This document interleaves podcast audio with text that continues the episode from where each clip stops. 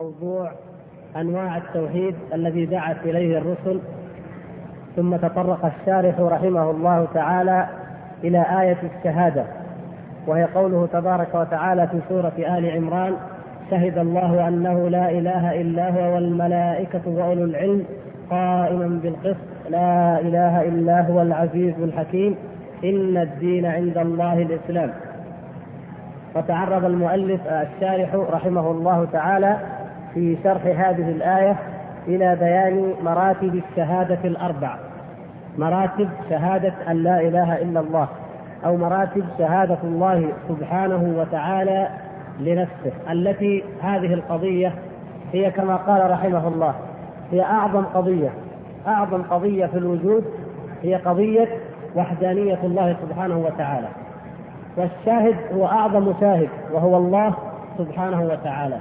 والمشهود له هو أعظم مشهود له وهو الله سبحانه وتعالى أيضا. فهي أعظم قضية أعظم شهادة شهدها أعظم شاهد لأعظم مشهود له. ثم قلنا وبينا ونعيد أن مراتب الشهادة الأربع هي العلم أولا العلم الداخلي أو العلم النفسي ثم التكلم بذلك العلم ثم الإخبار والإعلام به ثم الدرجة الرابعة وهي الإلزام به. فقلنا إن الله سبحانه وتعالى معنى كونه شهد أن لا إله إلا هو أي علم أن لا إله إلا هو سبحانه وتعالى وتكلم بذلك بهذا الوحي الذي أنزله وأعلم خلقه بهذه الشهادة. والمرتبة الرابعة وهي الإلزام أن الله سبحانه وتعالى قد ألزم خلقه بهذه الشهادة. وأمرهم بها وفرضها عليهم. فهذه هي المراتب الأربع للشهادة لشهادة أن لا إله إلا الله وهي الشهادة التي جاءت بعدها جاء بعدها قوله تبارك وتعالى إن الدين عند الله الإسلام. فشهادة أن لا إله إلا الله هي دين الإسلام هي حقيقته. وبقية أركان الإسلام وبقية شعب الإيمان هي أسنان لهذه الشهادة أو شعب لهذه الشهادة وهي تشمل الدين كله. إن الدين عند الله الإسلام قالها الله تبارك وتعالى بعد هذه الآية. وكما تعلمون أن سبب نزول سورة آل عمران كان أن وفد نجران وكانوا على دين النصارى جاءوا إلى النبي صلى الله عليه وسلم. وناظروه صلى الله عليه وسلم وجادلوا في ألوهية المسيح أو بنوته لله كما يعتقد كما يعتقدون. وأنزل الله سبحانه وتعالى هذه الآيات من سورة آل عمران وبين فيها حقيقة المسيح عليه السلام ورد وأبطل دعاوي هؤلاء النصارى في ألوهيته أو أنه ابن لله وبين أن ملة إبراهيم هي التوحيد وأن أولى الناس بإبراهيم هم هم الذين آمنوا به في عهده والنبي صلى الله عليه وسلم ومن اتبعه أيضا وأنكر على أهل الكتاب أنهم يكتمون الحق وأنهم يلبسون الحق بالباطل. إلى غير ذلك من الآيات التي هي كما تعلمون آيات كثيرة.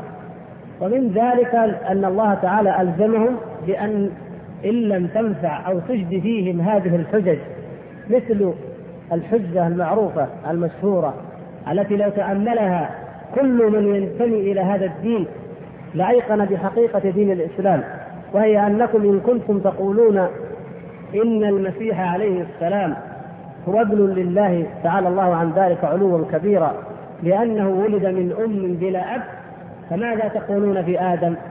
إن مثل عيسى عند الله كمثل آدم خلقه من تراب ثم قال له كن فيكون. فالأعجوبة والخارقة في آدم أعظم منها في عيسى لأن الله تبارك وتعالى خلق آدم من غير أب ولا أم. ثم إنه خلق آدم من أب الذي هو خلق حواء من أب أي خلقه من آدم خلقها من آدم وخلق منها زوجها وبدون أم. وخلق عيسى عليه السلام من أم وبدون أب. فالله تبارك وتعالى يخلق ما يشاء. فلماذا يكون هذا عيسى لماذا يكون هو إله أو ابنا لله كما تزعمون؟ نقول إنه مع هذه الحجج العظيمة ومنها هذه الحجة بعد ذلك يأتي الجواب أو تأتي الحجة الأخيرة الدامغة في مناظرتنا دائما لأهل الكتاب وهي المباهلة. المباهلة. وماذا يقول الله سبحانه وتعالى في ذلك؟ إذا انتهت المحاجة إذا حاجون من بعد ما جاءتهم البينات من بعد أن نوضحها لهم فنقول كما قال الله تعالى لنبيه فقل تعالوا ندعو أبناءنا وأبناءكم ونساءنا ونساءكم وأنفسنا وأنفسكم ثم نبتهل فنجعل لعنة الله على الكاذبين. هذه الآيات أو هذا ضمن هذا الموضوع ضمن تقرير وحدانية الله سبحانه وتعالى والرد على المشركين وأهل الكتاب جاءت الآية التي هي آية الشهادة التي كما مر معنا تتضمن أربعة مراتب العلم بذلك والتكلم به والإعلام والإخبار به ثم المرتبة الأخيرة وهي مرتبة الإلزام به. هذا موجز ما مر معنا في الدرس الماضي والآن نقرأ من قوله رحمه الله ولو كان المراد مجرد شهادة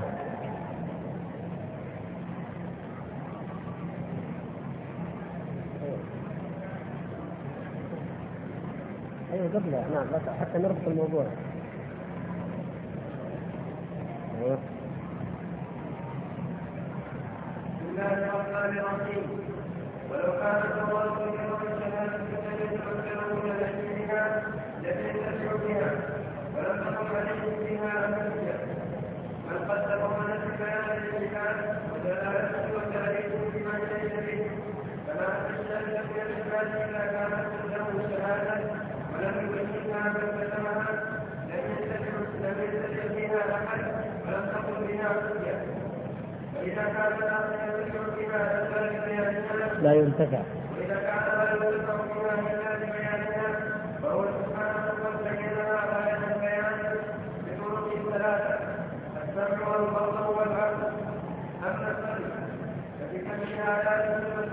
بما عرفنا إياه من صفات كمال كلها الوحدانية وغيرها غاية البيان لا كما أهل الشرك ومن وافقهم من المعتزلة. ومعطلة بعض الصفات من دعوى احتمالات توقع كثيرة الحيرة توقع بالخير مناسب بيان الذي وصف الله به كتابه العزيز ورسوله الكريم. كما قال تعالى آمين والكتاب المبين وقال فلله الله بكاية الكتاب المبين وقال تعالى ألفنا الله بكاية الكتاب والقرآن المبين وقال تعالى هذا بيان للناس وهدى وموعظة للمتقين وقال عز وجل اعلموا انما على رسولنا البلاغ المبين وقال وانزلنا اليك الذكر لتبين للناس ما نزل ولعلهم يتفكرون وكذلك السنة تاتي مبينه أو مبرره لما دل عليه القرآن. لم يكفنا ربنا سبحانه وتعالى إلى راي فلان ولا إلى قول فلان واسمه في أصول الدنيا. ولهذا يجب من خالف الكتاب والسنة مختلفين مختلفين بل قد قال تعالى اليوم اكملت لكم دينكم واتممت عليكم نعمتي ورضيت لكم الإسلام دينا. فلا يزال في تكفيره إلى نفس الصالح عن الكتاب والسنة. وإلى هذا المعنى أشار الشيخ أبو جعفر الصحابي فيما يكفي من كلامه من قوله لا تكونوا بذلك متأولين بآرائنا ولا متوقفين بأهوائنا فإنه ما سلم ما سلم منه إلا سلم لله عز وجل ولرسوله صلى الله عليه وسلم.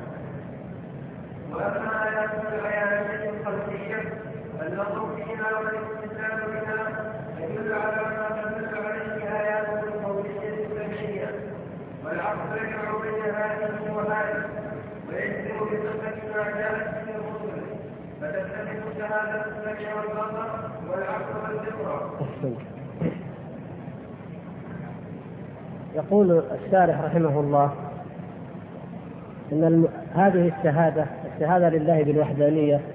لو كان المراد مجرد شهادة لم يتمكن البشر من العلم بها لم ينتفعوا بها.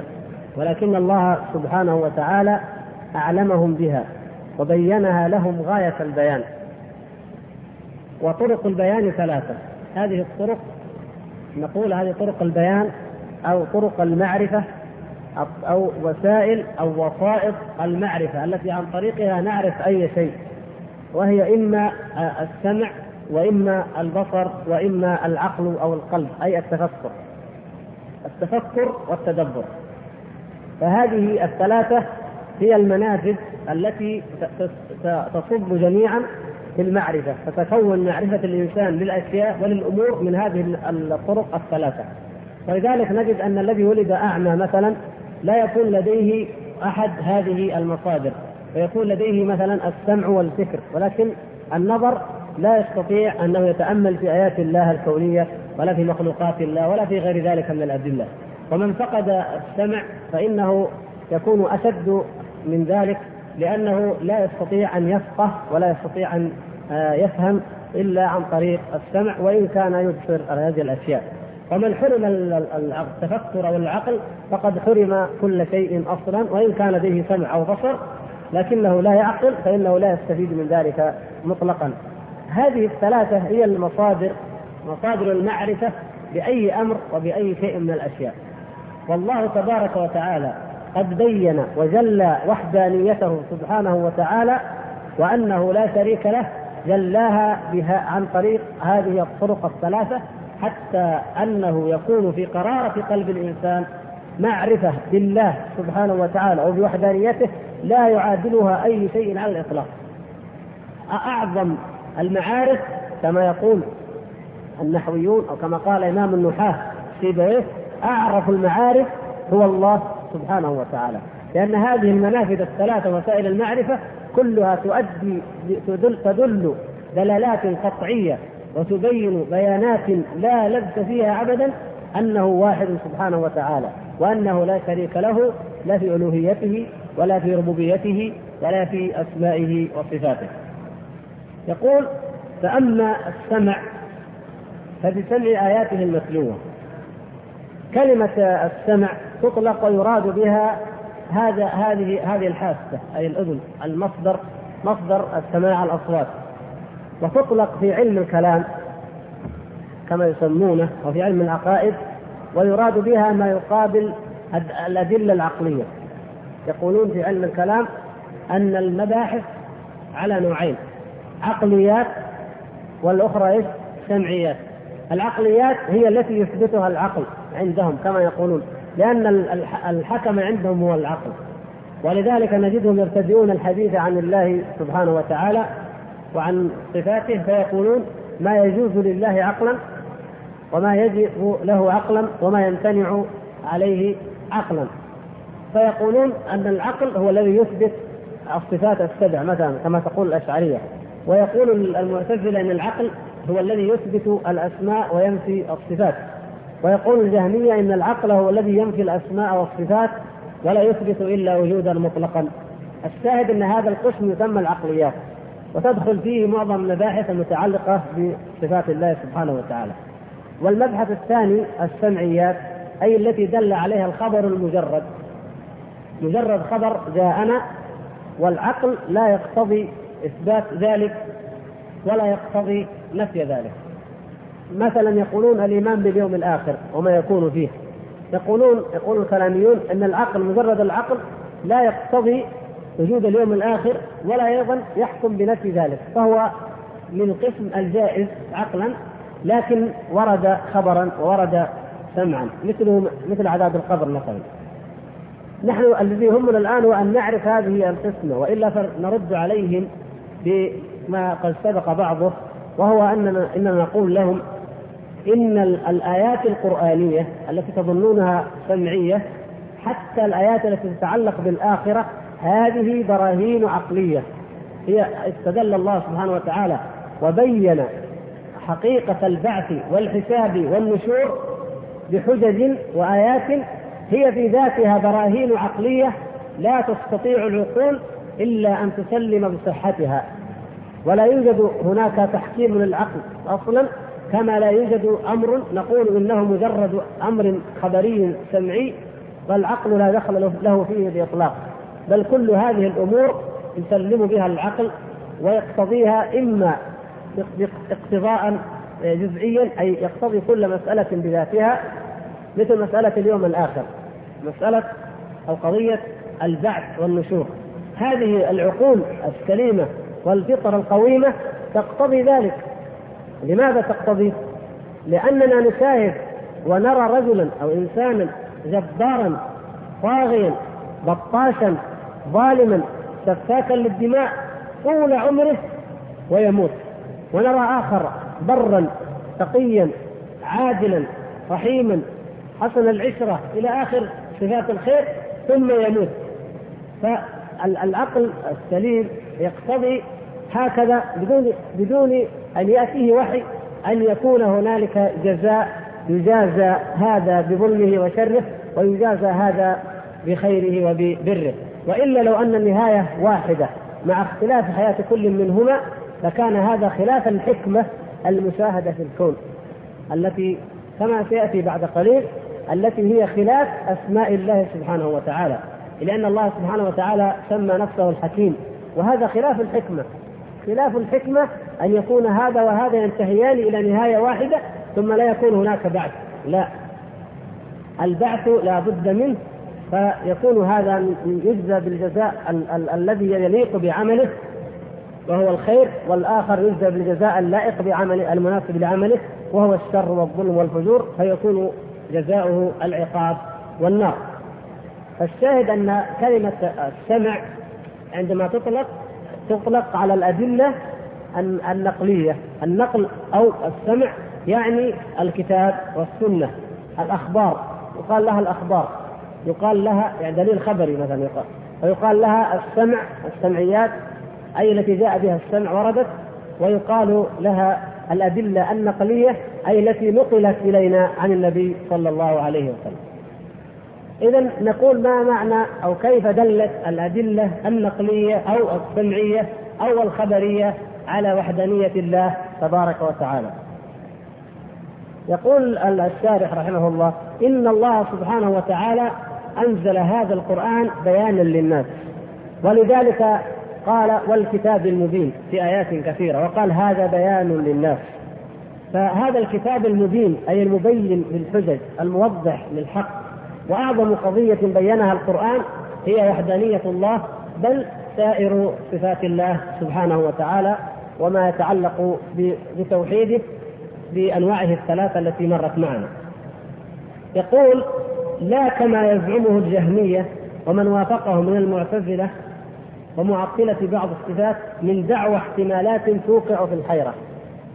يقول هؤلاء الجهمية الذين نفوا جميع الأسماء وجميع الصفات ويقول المعتزلة الذين نفوا جميع الصفات وأثبتوا الأسماء ويقول الأشعرية الذين نفوا بعض الصفات وأثبتوا بعض الصفات وأثبتوا الأسماء هؤلاء يقولون إن الآيات والأحاديث أي السمعية النقلية الآيات والأحاديث هذه توقع في الحيرة تدل على معاني محيرة توقع الحيرة ولهذا لجأوا إلى ماذا؟ إلى القواطع العقلية أو إلى البراهين العقلية كما يسمونها فيرد عليهم المؤلف بأن الله سبحانه وتعالى قد أوضح وقد بين في كتابه أعظم بيان وأجلاه وحدانيته سبحانه وتعالى وسائر صفاته بما لا مجال معه لقول هؤلاء الناس لأن هذه لأنها غير واضحة أو أنها توقع في الحيرة.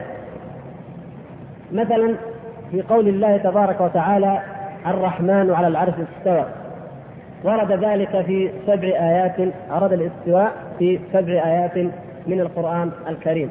فيقولون إن هذا المعنى يوقع العقول في حيرة لأنها تتصور كذا وتتصور كذا تقع في حيرة. فنقول لهم إن الله سبحانه وتعالى قد بين أعظم البيان ولكن الحيرة سببها أو الاضطراب أو عدم الفهم سببه المحل نفسه الذي خوطب. الخطاب في غاية البيان لكن خوطب به إنسان لا يفقهه أو لا يفهمه. كما قال الشاعر وكم من عائد قولا صحيحا وآفته من الفهم السقيم. فلما فهموا لما تخيلوا أن معنى ذلك الاستواء مثلا أنه سبحانه وتعالى أن العرش مخلوق معين هكذا بقدر تخيلوه وأنه سبحانه وتعالى فوقه بشكل هم توهموه وتخيلوه وتركوا الآيات والأحاديث الأخرى التي توضح ذلك مثل قوله تعالى ليس كمثله شيء وهو السميع البصير تركوا الآيات التي تدل على التنزيه وأن الله سبحانه وتعالى أعظم من أن تتوهم الأذهان أو الخيالات حقيقة وكيفية صفاته سبحانه وتعالى. لما أعرضوا عن ذلك قالوا هذه الآيات توقع في الحيرة قالوا كيف نقول إن الله على العرش استوى؟ ثم نقرأ قوله تعالى وهو معكم أينما كنتم. هذه توقع في الحيرة فيردون هذه الآية ويردون تلك الآية ويلجؤون إلى الكلام إلى قواعد وضعوها هم فيقولون نثبت أنه لا داخل العالم ولا خارجه مثلا. أو أي نوع من أنواع التي لا يقبلها العقل بل ردوا الآيتين معا. ولا و وهذه الآيات في غاية البيان. ولو أنهم إذ لم يفهموا ذلك رجعوا إلى أهل العلم لبينوا لهم أن الله سبحانه وتعالى بذاته فوق جميع المخلوقات والعرش أحد هذه المخلوقات. أما بعلمه سبحانه وتعالى وباطلاعه وبإحاطته فهو مع كل أحد مطلع عليه ورقيب عليه فليس هناك أي تعارض ولا أي تنافي بل النبي صلى الله عليه وسلم فسر ذلك والصحابة فهموه ومن بعدهم وأجمعوا عليه ولم يأتي في ديننا وهو واضح كله ولله الحمد ليس في ديننا شيء أوضح من معرفة الله سبحانه وتعالى لأنها هي أشرف أنواع المعلومات وهي أشرف العلوم جميعا. فالله سبحانه وتعالى في القرآن قد بين حقيقة الوحدانية في آي كثيرة جدا كما تعلمون منها الاستدلال بتوحيد الربوبية الذي يؤمن به الكفار على الوحدانية على توحيد الألوهية. ومنها الاستدلال بما أخبرنا الله تبارك وتعالى به عن الأمم الماضية. وأخبرنا أننا نرى آثارهم. نحن نرى آثار الأمم الماضية. ونرى مساكنهم.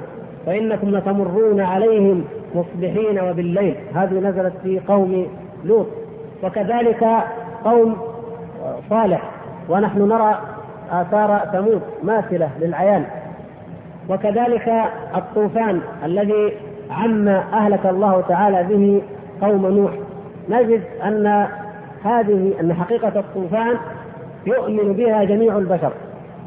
العلماء الذين تخصصوا في في الدراسات الجيولوجية أو الطبيعية يثبتون أن الأرض في فترة من الفترات قد عمها الماء. علماء الاجتماع الذين درسوا دراسات نظرية بعيدة جدا عن الدراسات العلمية البحتة يقولون إن الخرافة المشتركة أو الأسطورة المشتركة هي أسطورة الطوفان لماذا؟ يقول علماء الاجتماع كل مجتمع درسوه ودرسوا لغته في إفريقيا في أمريكا الوسطى في أستراليا في بعض مناطق من آسيا يجدون أن هذه القبائل القديمة أو الهمجية أو كما يسمونها هكذا عندها إثبات الطوفان ولذلك قالوا هذا خرافة مشتركة أو أسطورة مشتركة. طيب كيف اشتركت؟ لماذا اشتركت هذه الأمم في هذه؟ إلا لأنها موروثة. اذا هي حقيقة مشتركة وليست أسطورة مشتركة. الشاهد أن ما عذب الله تعالى به قوم نوح وقوم ثمود. وثمود وما عذب الله سبحانه وتعالى به قوم لوط. مشاهد. وما عذب به سبأ. وهو السد عندما انفجر مشاهد كثير من الآيات العيانية أيضا هذه آيات قرآنية وفي نفس الوقت لها تعلق بالآيات العيانية. هذه آيات مشاهدة آيات ذكرها الله سبحانه وتعالى وهي نوع من أنواع الاستدلال على وحدانية الله. لأن الله سبحانه وتعالى يخبرنا بأن هذا هو مصير من كفر من كفر ومن كذب ومن جحد بآيات الله. كذلك نجزي كل كفور قالها الله تعالى في الحديث عن قوم عن سبأ. كذلك نجزي كل كفور. إن في ذلك لآيات لقوم يبصرون. أفلا يبصرون؟ أفلا يسمعون؟ آيات كثيرة تأتي في التعقيب على الآيات التي يبين الله سبحانه وتعالى فيها أنه أهلك الأمم قبلنا. فهذا من الأدلة على وحدانية الله سبحانه وتعالى التي هي قرآنية سمعية نقلية. خبرية ولكنها أيضا عقلية برهانية. لو تأملها الإنسان لوجد أنها معجزة عظيمة. وكل الأمم قبلنا قد أهلكها الله سبحانه وتعالى لما كفرت. وكم أهلكنا من قرية بطرت معيشتها فتلك مساكنهم لم تسكن من بعدهم إلا قليلا. وكنا نحن الوارثين. فما كان ربك ليهلك القرى حتى يبعث في أمها رسولا يتلو عليهم آياتنا وما كنا مهلكي القرى وأهلها غافلون. وما وآيات أخرى دلت على أن الله سبحانه وتعالى كما قال وإن من قرية إلا خلا فيها نذير وهذه الأمم قد بادت وبقيت علامات فتلك مساكنهم لم تسكن من بعدهم إلا قليلا عندما يمر الإنسان ويرى هذه المساكن ويرى هذه الآثار لا بد أن يعتبر ولا بد أن يتعظ ولا بد أن يعلم أن هؤلاء لما جحدوا وحدانية الله عاقبهم الله سبحانه وتعالى. فهذه من الأدلة التي جاءت لبيان الدلالة على وحدانية الله سبحانه وتعالى وعلى توحيده تبارك وتعالى في القرآن. وكذلك السنة تأتي مبينة ومقررة لما دل عليه القرآن في في باب معرفة الله سبحانه وتعالى وتوحيد الله تبارك وتعالى وبيان أنواع التوحيد. فإن النبي صلى الله عليه وسلم قد سد كل الذرائع المفضية إلى الشرك. ولذلك نهانا عن قول لو ونهينا عن قول لولا لولا كذا وكذا. وقال ونهانا أن نقول ما شاء الله وشئت بالعطف مباشرة. أشياء هي من من باب الألفاظ نهينا أو وضحت لنا. فما بالك بما كان من باب الاعتقاد وهو أعظم؟ هذه هذه الأشياء تدل على أن النبي صلى الله عليه وسلم قد قرر أيضا وبين حقيقة التوحيد التي جاءت في القرآن وكذلك توحيد الأسماء والصفات أو توحيد المعرفة فقد بينه النبي صلى الله عليه وسلم غاية البيان في كل مرة يقتضي البيان ذلك ولهذا جاءت بعض صفات الله سبحانه وتعالى جاءت في السنة في الاحاديث ولم وهي لم تأتي في القرآن ولكن هذا يشرحه ويزيده ويفسره. ونزلنا إليك الذكر لتبين للناس ما نزل إليهم فهذا بيانه صلى الله عليه وسلم لما في كتاب الله تبارك وتعالى. لم يحوجنا الله إلى رأي فلان ولا إلى ذوق فلان. هذه قاعدة عظيمة جدا. الذين يقولون إن ما جاء في الكتاب والسنة يوقع في الحيرة أو يوقع في الشك يرد عليهم المؤلف بأنه ما البديل اذا؟ ما البديل عن الكتاب والسنة؟ إذا كنتم تقولون إنكم إذا قرأتموها فإن لها ظواهر توقعكم في الحيرة وفي الشك يقولون القواعد العقلية. هذا هو الرأي. الآراء العقلية. كل إنسان له رأي. وكل ناظر من النظار يأتي برأي جديد يأتي بمذهب كلامي جديد. وهذا يرد على هذا. وهذا يناقض هذا. والجميع حيارى كما يقولون ما عندنا إلا الحيرة. فما فعل أي شيء يدل هذا. الله سبحانه وتعالى لم يحوجنا في هذا الباب الذي هو أعظم أبواب العلوم معرفة الله تعالى إلى أي رأي ابدا مهما كان ذلك الرأي ولا إلى أي وجه من الوجدان. كما قلنا إن المتكلمين يعتمدون على الأدلة العقلي العقليه المركبه للمقدمات ونتائج. وأما الصوفية وأمثالهم فإنهم يعتمدون على الأدلة الوجدانية وعلى الأذواق الوجدانية وعلى الكشوفات الروحانية. فلا هذا ولا هذا نعتمد عليه في بيان ديننا وإنما نعتمد على كتاب الله وعلى سنة رسول الله صلى الله عليه وسلم. ولهذا يقول الإمام أبو جعفر الطحاوي صاحب متن العقيدة كما سيأتينا يقول لا ندخل في ذلك متوهمين لا ندخل في ذلك متأولين بآرائنا ولا متوهمين بأهوائنا فإنه ما سلم في دينه إلا من سلم لله عز وجل ولرسوله صلى الله عليه وسلم. أي نحن إنما نؤمن بما جاءنا عن الله ورسوله ولا نتوهم بآرائنا وبعقولنا. فهذه الآيات في آيات السمعية. وأما الآيات العيانية أو البصرية التي يبصرها الإنسان فإنها عظيمة جدا. إن في خلق السماوات والأرض واختلاف الليل والنهار لآيات لأولي الألباب الذين يذكرون الله قياما وقعودا وعلى جنوبهم ويتفكرون في خلق السماوات والأرض. ربنا ما خلقت هذا باطلا سبحانك فقنا عذاب النار. هؤلاء الذين يتأملون في خلق الله عز وجل وهي من أعظم أبواب التوحيد من أعظم أبواب الأدلة على التوحيد. التأمل في خلق الله سبحانه وتعالى في الآفاق وفي الأنفس وفي الأرض وفي الأرض آيات للموقنين. وأينما اتجه الإنسان بنظره أينما لحظ فإنه يجد الآيات العظيمة الدالة على وحدانية الله سبحانه وتعالى. هذه الآيات تحول الإيمان من مجرد إيمان فطري مجمل إلى إيمان راسخ عميق لذلك كما تعلمون إن الإيمان يزيد وينقص مذهب السنة والجماعة أن الإيمان يزيد وينقص كيف يزيد إيمان الإنسان؟ أي أو نقول كيف ما هي الوسيلة لكي يزيد إيماني؟ هذه هذه المجالات الثلاثة الآيات القرآنية والآيات العيانية البصرية والآيات السمعية أي العقلية أو التفكر العقلي. كل هذا يزيد في الإيمان أي هي طرق المعرفة التي تجعل المعرفة بالله عز وجل أقوى وأكثر. ومن ذلك الآيات العيانية أو الآيات الكونية كما نسميها نحن اليوم.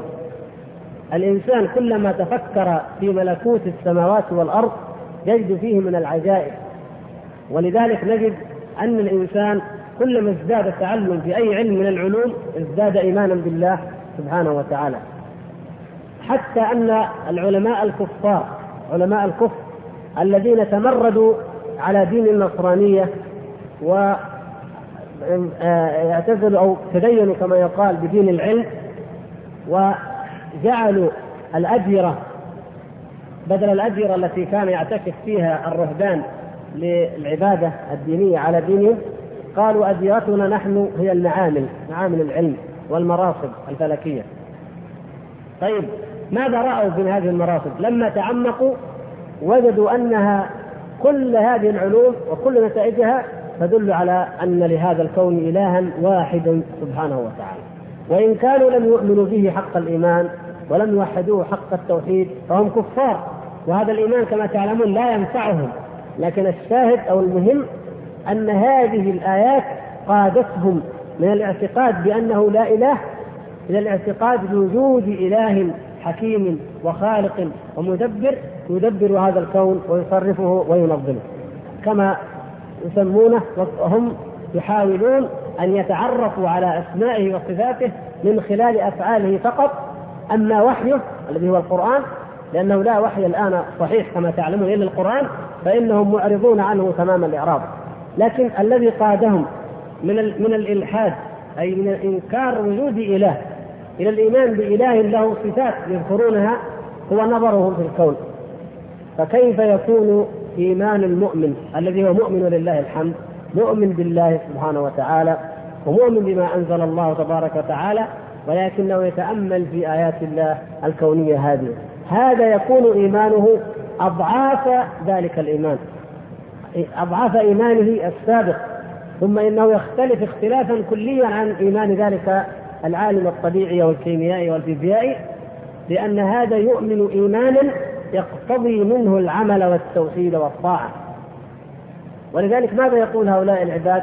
ربنا ما خلقت هذا باطلا سبحانك فقنا عذاب النار. انظروا هل يوجد عالم من علماء الطبيعة هؤلاء يربط بين أن الله تعالى هو خالق هذا الكون وأن هذا الكون لم يخلق عبث وهم يقولون لا يوجد ليس عبثا لكن هل يؤمنون بالنار؟ هل يربطون بين نظام الكون المحكم وبين كون هنالك يوما يكون فيه جنة ونار؟ لا وهذه ميزة المؤمن فالمؤمن كلما يتعلم هذه العلوم وكلما يترقى فيها يزداد يقينا بالجنة والنار بما أخبر الله تعالى به في كتابه ويعلم أنه يجب عليه أن يطيع الله سبحانه وتعالى فإن الذي خلق هذا الكون سبحانه وتعالى فلم يخلقه باطلا ولم يخلقه عبثا بل هذا ظن الكفار وما خلقنا السماوات والأرض وما بينهما باطلا. ذلك ظن الذين كفروا فويل للذين كفروا من النار. هذا ظنهم فويل لهم من النار. أما ظن المؤمنين فإنهم يقولون ربنا ما خلقت هذا باطلا سبحانك فقنا عذاب النار. فهم يدعون الله أن يقيهم عذاب النار لهذا الإيمان الذي انسكب في أرواحهم وفي قلوبهم نتيجة التأمل في ملكوت السماوات والأرض. كما تأمل من قبل إمام الموحدين إبراهيم عليه السلام في ملكوت السماوات والأرض. فهكذا كل مؤمن يكون حظه من زيادة الإيمان بقدر ما يزداد من قراءة وتدبر الآيات القرآنية ومن النظر في الآيات العيانية المشاهدة ومن التفكر بعقله في هذه البيان الحجج والبراهين التي أنزلها الله سبحانه وتعالى في كتابه أو أودعها في مخلوقاته سبحانه وتعالى. ولو تأمل كل إنسان في نفسه تأمل في ولده تأمل في في ما حوله من من النبات من الشجر من التراب من إنزال المطر من البحار من الأنهار. كل هذه كلها تدل على وحدانية الله سبحانه وتعالى. وبالتالي تقتضي وتستلزم أن لا يعبد إلا الله سبحانه وتعالى وأن لا يطاع إلا الله سبحانه وتعالى إلا من أمرنا الله تعالى أن نطيعه وطاعته تبع لطاعة الله سبحانه وتعالى فهذه من الآيات التي كما قال المؤلف تتفق شهادة السمع والبصر والعقل والفطرة عليها تتفق هذه الشهادة هذه المصادر جميعا على حقيقة وحدانية الله تبارك وتعالى. وهو سبحانه لكمال عدله ورحمته وإحسانه وحكمته ومحبته للحكم وإقامة الحجة لم يكن نبيا إلا ومعه آية تدل على فضله فيما أخبر به قال تعالى لقد أرسلنا رسلنا بالبينات وأنزلنا معهم الكتاب والميزان ليقوم الناس بالقسط وقال تعالى وما أرسلنا من قبلك إلا رجالا نوحي إليهم فاسألوا أهل الذكر إن كنتم لا تعلمون بالبينات والزبور وقال تعالى قل قد جاءتكم رسل من قبلي بالبينات وبالذي قلتم وقال تعالى فإن كذبوك فقد كذبت رسل من قبلي جاءوا بالبينات ولا لا؟ كذب لا كذب من قبل آل عمران عندك قال؟ لأن في طيب استمر قال تعالى الله الذي انزل الكتاب بالحق والميزان حتى إن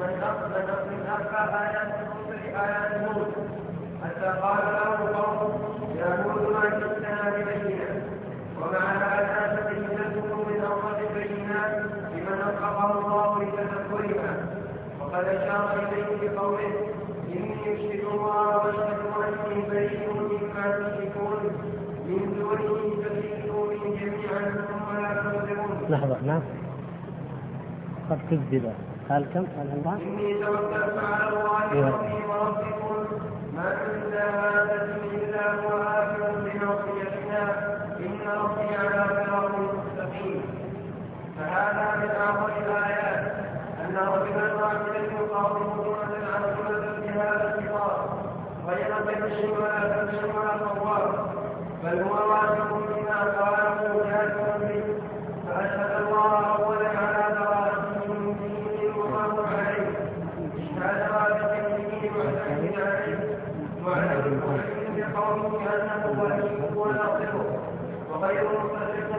عليه ثم أشهده إشهاد مجاهد له بالمخالفة أنه بريء من دينه وأهل السنة يوالون عليها ويعادون عليها ويذكرون دماءهم وأموالهم وصلاتهم لها ثم أكد ذلك عليه بالاستهانة لهم وافتقارهم وافترائهم ولا يتبعون كلهم عليه فلا دينه وكتاب غير منه ثم يعادلونه ولا يؤمنونه لم يقدروا على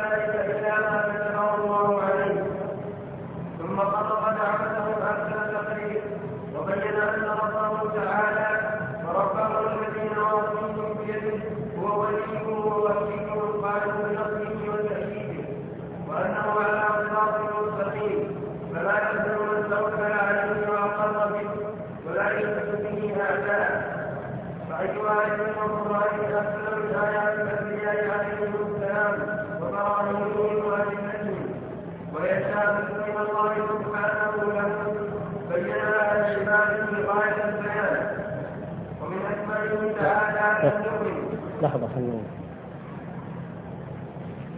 موضوع النبوات ودلائل النبوات يأتي بإذن الله تعالى في باب قادم لكن الشاهد هنا أن من آيات الله سبحانه وتعالى الدالة على وحدانيته الآيات التي أعطاها لأنبيائه. بهذا هذا المقدار هنا نقول إن الله بين وحدانيته بينها بالقرآن وبينها بالسنة وبينها بالآيات الكونية وبينها بآيات أعطاها لأنبيائه الداعين إليه تدل على أنه حقا هو الله وحده سبحانه وتعالى وأن الأنبياء عندما يدعون الأمم إلى التوحيد لا يدعونهم بكلام مجرد وإنما ببراهين قاطعة لا يملك أحد إلا أن يؤمن بها إلا من كابر وأعرض واستكبر بعد قيام الحجة ووضوحها فهو تبارك وتعالى لكمال عدله ولكمال رحمته سبحانه وتعالى ولكمال إحسانه بخلقه ولأنه ليس أحد أحب إليه العذر من الله كما كما جاء في الحديث الصحيح لا أحد أحب إليه العذر من الله سبحانه وتعالى ويعذر سبحانه وتعالى ويقيم الحجة ويقدم فيعطي يعطي للإنسان طرق الخير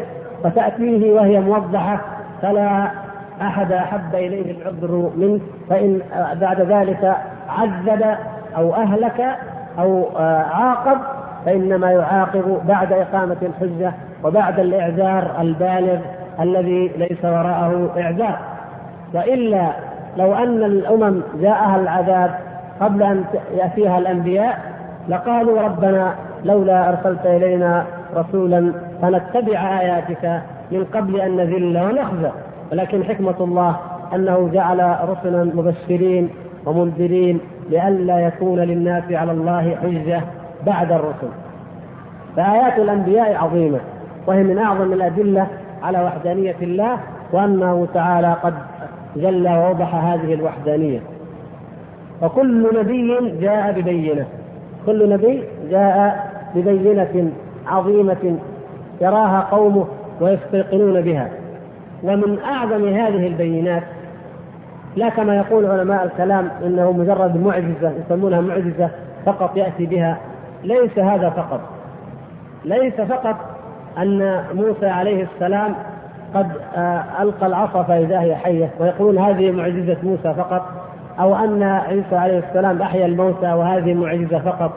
في حقيقة الأمر لو تدبرنا حياة الأنبياء لوجدنا من أولها إلى آخرها دلائل وبراهين على أنهم على الحق وأنهم يدعون للحق. أي نبي من الأنبياء؟ اولا إنما يولد وينشأ في فيما يدل على الاختيار. اختيار الله سبحانه وتعالى له. الله يصطفي من الملائكة رسلا ومن الناس. وربك يخلق ما يشاء ويختار ما كان لهم الخيرة فيختار الله سبحانه وتعالى النبي من أوسط قومه من أشرف قومه كما جاء في حديث هرقل مع أبي سفيان الذي رواه الإمام البخاري في أول كتابه الصحيح. فأبو سفيان هرقل يسأل أبا سفيان ويقول ما نسبه فيكم؟ قال هو من أوسطنا نسبا أي من أشرفنا. ويقول هرقل وكذلك الأنبياء تبعث من أوسط أقوامهم. إذا يختار الله سبحانه وتعالى النبي من قبل أن يولد يختار الله سبحانه وتعالى نسبه وآباءه من أشرف القوم لا من أراذلهم المعروفين المرذولين والمحتقرين أو الممتهنين لما يسترذله القوم وإنما من من أشرافهم. يأتي. ثم يصطفيه الله سبحانه وتعالى فينشئه تنشئة تختلف عن غيره. مثلا كيف رأى الله سبحانه وتعالى نبيه موسى عليه السلام؟ كيف كان كل طفل من بني إسرائيل يولد يقتل؟ إلا هذا الطفل يحفظه الله سبحانه وتعالى بهذه الآيات العجيبة بأن الأم التي هي كما تعلمون أحرص ما يكون على ابنها يلقى في روعها وينفس في روعها نفسا يقينيا لا تملك إلا أن تنفذه وهذا هو حقيقة الوحي الذي وحي إلى أم موسى ألقي في في روعها أمرا لا تملك إلا أن تنفذه. وهو أن هذا الابن الذي تخاف عليه من زبانيه الطاغوت أن تضعه في صندوق ثم ترميه في البحر. وماذا بعد ذلك؟ وينتهي الأمر. لا تملك شيء. لا تستطيع أن تعمل. الجهد البشري النظر البشري ينتهي. ولكن الله عز وجل يسوق ذلك الصندوق وأين يضعه؟ في بيت فرعون. فالتقطه آل فرعون لم يلتقطه الزبانية في الأطراف وإنما ذات الرجل الطاغوت الأكبر يلتقطه آل فرعون. ثم حرمنا عليه المراضع كما تعلمون القصة طويلة. يحرم الله عليه المراضع. فرعون لا يهمه أن هذا الطفل أخي على طريق الحق هنا منتصف الشريف. ولأنه يشعر أنه لم يلبي ما في نفسها من حاجة ومن إلحاح فطري إلى وجود ابن فلذلك لما قالت له لا تقتلوه عسى أن ينفعنا أو نتخذه ولدا أو قالت قرة عين لي ولك لا تقتلوه لما قالت ذلك لفرعون انهزم الطاغوت انهزم أمام إرادة المرأة وأمام إلحاح المرأة الذي عجز عن إشباعه فقال فليكن ذلك. حرمنا عليه المراضع لم يرتضع هذا الطفل. وهذه المرأة التي ألقى الله محبة موسى في قلبها تنزعج انزعاجا شديدا جدا. ولا تدري كيف ماذا تعمل؟ وبعثت هات المرأة الفلانية هات المرضعة الفلانية هات هات وتخشى أن يموت هذا الطفل ولم يرضع من أحد.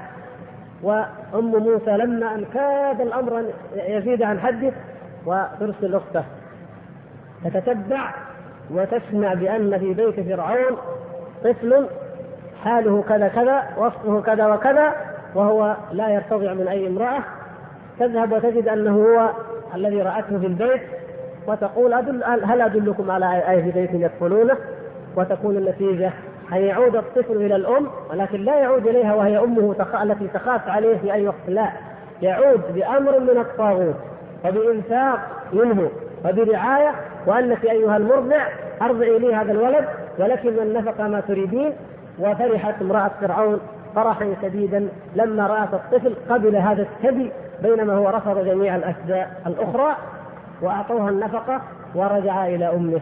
ثم كيف كبر؟ ثم كيف نشأ تنشئة العز في في في مجتمع الذل. مجتمع بني إسرائيل كان مجتمع ذل. كانوا طبقة حقيرة تخدم الطبقة الكبرى التي هي عامة المصريين ويريد الله له ان ينشا تنشئه عزيزة قوية كما تعلمون ثم يوحي إليه ويأتي إلى هذا الطاغوت ثم يأتي بعد ذلك بالآيات الأخرى وهي تسع آيات بينات. ثم تكون الآية العظمى بعد ذلك الدالة على صدق ما جاء به وهو أن الله تعالى يهلك فرعون ويهلك جنده ويغرقهم في الوقت الذي ينجو فيه موسى في حينما يخرج آخر رجل من بني إسرائيل من البحر ويكون أول رجل من قوم فرعون على وشك الخروج وآخر رجل منهم قد دخل في الماء يطبقه الله سبحانه وتعالى عليهم بعد أن كان منطلقا كل فرق كالطود العظيم ويطبقه عليهم فيغرقون جميعا ثم يخرج الله تبارك وتعالى جثة فرعون للناس ليرونها وليكون لمن بعده آية كما قال تعالى. الشاهد أن الآيات آيات الأنبياء عظيمة وعجيبة منذ أصل النشأة وآيات النبي صلى الله عليه وسلم كما تعلمون من سيرته فيها العجب العجاب كيف يأتي هذا الطفل وكيف تأتي البشائر منذ لحظة ولادته؟ كيف تهتم به آه، أن يولد في هذا المكان بالذات الذي كانت العرب تهفو قلوبها وكذلك الناس إليه وهو بوجود بوجود هذا البيت الحرام ثم ينشأ يسمونه الأمين صلى الله عليه وسلم. ولم يخبروا ولم يحفظوا عنه كذبا قط على الإطلاق بل كان أمينا صادقا. وكان معصوما بعصمة الله عز وجل عن أن يعبد الأصنام أو أن يسجد لها أو أن يشارك أهل الجاهلية في أي عمل من أعمالهم الشركية الجاهلية في نفس الوقت الذي ما كان يرجو أن يلقى إليه الكتاب. وما كان يطمع في ذلك ولا كان يعلم ذلك ولا كان يتوقعه أبدا. ثم جاءت رحمة الله سبحانه وتعالى وبعث بالآيات البينات. فلما جاءه جبريل وبعث كان تطويل ورقة من نوفل له صلى الله عليه وسلم. شهادة شهد بها رجل من أولئك القوم ولكن عنده زيادة علم من الكتاب. قال إن هذا هو الناموس الذي أنزل على موسى. هذا هو الناموس الذي أنزل على موسى. يعني جبريل عليه السلام. ثم يؤيده الله سبحانه وتعالى بالبراهين العظيمة كانشقاق القمر ومثل تكثير الماء من بين أصابعه والإسراء والمعراج به إلى السماء ثم يكون التأييد الأعظم الذي ليس بعده تأييد وليس بعده دليل وهو أن به بهذا الرجل الأمي تتحول الأمة الأمية المحتقرة التي ليس لها تاريخ على الإطلاق. كل أمم العالم فيما حولها لها تاريخ. أمم لها ملوك يأتي ملك ثم ملك حضارات أمجاد تاريخ. إلا هذه الأمة ليس لها تاريخ. الرجل منهم يعرف أن أبوه فلان وأنه من قبيلة كذا ولكن ليس هناك تاريخ ليس هناك حضارة ليس هناك علم على الإطلاق. ويحول الله هذه الأمة وهي أقل أمم الأرض عددا. ولا حضارة لها ولا علم فتكون سيدة العالم. وتفتح دول العالم جميعا. يفتح الله تعالى لها الأرض جميعا وتنشر هذا الدين وتضيء العالمين به. كل هذه آيات بينات على صدق رسول الله صلى الله عليه وسلم. وهذا من أدلة على أن الله عز وجل بين وحدانيته بما بين به بما أظهر به أنبياءه وأعطاهم إياه وملكهم إياه من الحجج ومن البينات ومن البراهين. وكذلك ثمود لما أعطاهم الله سبحانه وتعالى الناقة مبصرة وأخرج لهم هذا الحيوان العجيب العظيم الذي يأتي وله شرب يوم ولهم شرب يوم وفي يوم شربهم لا يشرب أبدا بل يذهب ويعطيهم الحليب وفي يوم شربه يذهب ليشرب كيف كيف هذا الحيوان يفقه ذلك؟ كيف يقوم بهذه الأمور العجيبة؟ كيف يوجد هكذا؟ كل هذه آيات بينات جعلها الله سبحانه وتعالى لأنبيائه. بقي قضية هود عندما قال له قومه يا هود قالوا يا هود ما جئتنا ببينة حقيقة الأمر أن أعداء الله سبحانه وتعالى وأن الذين ينكرون الدين وينكرون التوحيد ليس الأمر أنهم لم يعقلوا ليس الأمر أن الجدال المجادلة لهم كان فيها ضعف في الحجة مثلا ليس الأمر قضية براهين عقلية يجب أن نقنعهم بها لا. القضية قضية عناد فإنهم لا يكذبونك ولكن الظالمين بآيات الله يجحدون. يعلمون صدق النبي ولكن يجحدون ويكابرون ويماطلون. فيقولون يا هود أنت تعلم من قبلك من الأنبياء قد جاءوا ببينات وأنت يا هود ما جئتنا ببينة. فلذلك لن نؤمن لك. فماذا كان جواب هود عليه السلام؟ هذا هذا الجواب هو في حد ذاته بينة. قال إني أشهد الله واشهدوا أني بريء مما تشركون من دونه فكيدوني جميعا ثم لا تنظرون إني توكلت على الله ربي وربكم ما من دابة إلا هو آخذ بناصيتها إن ربي على صراط مستقيم. هذه هذه بينتي كأن هود عليه السلام يقول هذه بينتي. تريدون مني بينة؟ أنا أقول لكم وأنا رجل واحد وليس معي على هذا على ما أقول أحد إلا من آمن منكم وهم قليل أقول لكم إنني أعلن إعلانا على الملأ إعلانا عاما على الملأ أنني بريء من معبوداتكم. التي تقولون إنها تضر أو إنها تنفع. فأنا بريء من هذه المعبودات وبريء من هذه الآلهة. إني بريء مما تشركون من دونه فكيدوني جميعا ثم لا تنظرون. فأنتم وآلهتكم كيدوني بأي أمر تريدون. اعملوا بي ما شئتم فإنني لن يصيبني من ذلك شيء إلا ما يقدره الله سبحانه وتعالى الذي هو ربي وربكم وربكم والذي ما من دابة إلا هو آخذ بناصيتها سبحانه وتعالى. ففي هذا تحد لهم وفي هذا آية وفي هذا وحده برهان لهم مثل ما لو أنه أحيا ميتا أو أنه ألقى عصا فإذا هي حية تسعى أو أخرج لهم من الجبل من الصخرة ناقة أو أي ذلك هذه أيضا هي في ذاتها آية وهي آية خفية لكن من تدبرها وجدها آية عظيمة. إذ كيف يأتي هذا الرجل ويتحدى أمة من الأمم بآلهتها وقواها ومعبوداتها؟ مطمئنا ومعتمدا على صدق توكله. إني توكلت على الله ربي وربكم إلا وهو على الحق. هل يجرؤ الكاذب في أي قضية من القضايا؟ إنسان يكذب. هل يجرؤ على أن يتحدى جميع الملأ ويتحدى جميع الناس ويصبر وهو كاذب؟ أبدا. الكاذب إذا حدث اثنين لا يريد أن يدري الثالث بأنه كذب هذه الكذبة لأن إذا الكذبة مشت على اثنين يخاف أن الثالث ما تمشي عليه الكذبة فينفضح. أو الرابع. ولذلك نجد أن من من يأتوا من يأتون ببعض ما يسمى الخوارق مثل الكهان أو المشعوذين أو السحرة لا يبرزون للعيان أبدا. لا يبرزون للعيان أبدا. لأن هذه ليست آيات هذه شعوذات وأكاذيب وأوهام واختلاقات. وتجده مخفي لا يعرفه إلا بعض مريديه وبعض من يأتون إليه. تجده مع أن مع دعوى أنه يشفي جميع الأمراض. وأنه يستطيع أن يخبرك بكل شيء من المغيبات وأنه كذا وأنه كذا لكن من يعرفه؟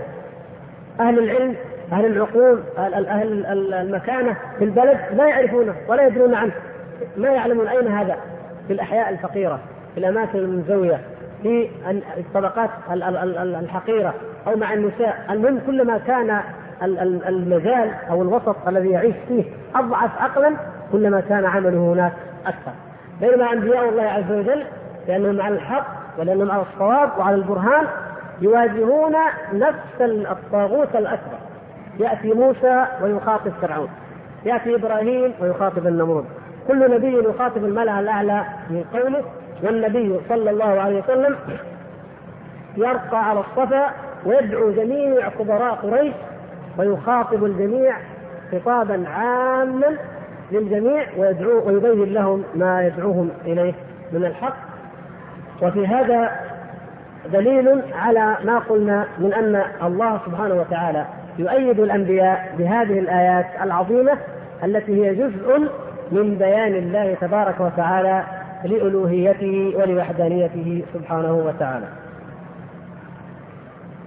ومن أسمائه ومن أسمائه تعالى وهو في أحد التفسيرين المصدق الذي يصدق الذي يصدق الصادقين بما يمكنه لهم من شواهد صدقهم لأنه لا بد أن يري العباد من الآيات الحقيقية والنفسية ما يبين لهم أن الوحي الذي بلغه رسله حق قال تعالى سنريهم آياتنا في الآفاق وفي أنفسهم حتى يتبين لهم أنه الحق أي القرآن فإنه هو المتبدل في قوله قل أرأيتم إن كان من عند الله ثم قال أولم يكن بربك أنه على كل شيء شهيد؟ فشهد سبحانه لرسوله بقوله أن ما جاء به حق. وعلى أنه للعباد من آيات الفعلية الخلقية ما يشهد بذلك أيضا. ثم ذكر ما طلع من ذلك كله وأجل وهو شهادته سبحانه بأنه على كل شيء شهيد. فإن من أسماء الشهيد الذي لا يغيب عنه شيء ولا يغيب عنه بل هو مطلع على كل شيء له بتفاصيله بأسمائه والأول بقوله وكلماته بأفعاله ومخلوقاته فإن قلت كيف بأسمائه فإن كذلك لا فالجواب أن الله تعالى قد أودع في الفطرة التي لم تتنجس ولا بالتشبيه ولا ولا بالتشبيه والتمثيل أنه سبحانه كان في أسمائه وصفاته وأنه الموصوف بما وصف به نفسه ووصف به رسله وما بقي عن الخلق من كلامه أعظم وأعظم ما يعرفونه منه ومن كماله المقدس شهادته على كل شيء واطلاعه عليه بحيث لا يعزم عنه بحيث لا يغيب عن مجرد في السماوات ولا في باطلا وظاهرا ومن هذا شأنه كيف يليق بعباده يشركوا به وأن يعبدوا غيره ويجعلوا معه إلها آخر. كيف يليق بكماله أن يقر من وكيف يليق بكماله أن يقر من يكذب عليه. اعظم الكذب من يكذب من عليه أعظم الكذب. ويخبر عنه بخلاف من أمر عليه ثم ينصره على ذلك ويؤيده ويعلي شانه ويجيب دعوته ويوجب عدوه ويظهر على دينه من الايات والبيان يظهر على يديه يمكن على دينه. بمعنى يصح لكن ويظهر على دينه من والبراهين ما يعلم عن وهو مع ذلك كافر غير مسلم عليه مفتر كاذب عليه مفتر وهو مع ذلك كافر عليه آه، نعم. عدلها اللي عنده الطبعة المحققة الشيخ الألباني. وهو مع ذلك كاذب عليه مفتر ان شهادته سبحانه على كل شيء وقدرته وحكمته وعزته وكماله المقدس يأبى ذلك ومن جوز ذلك فهو من ابعد الناس عن معرفته والقران مطلوب من هذه الطريق وهي طريقه الخواص يستدلون بالله على افعاله وما يليق به ان يفعل ولا يفعله قال تعالى ولو تقول علينا بعض الاقاويل لاخذنا منه باليمين ثم لقطعنا منه الوتين فما منكم من احد عن حاجزين وسياتي بذلك الزياده بيان ان شاء الله تعالى ويستدل أيضا باسمائه وصفاته على وحدانيته وعلى نقصان الشرك كما في قوله تعالى هو الله الذي لا اله الا هو الملك القدوس السلام المؤمن المهيمن العزيز الجبار المتكبر سبحان الله عما يشركون وهو اعلم ذلك في القران وهذه الطريق قليل قليل سالكها لا يهتدي إليها إلا الخواص.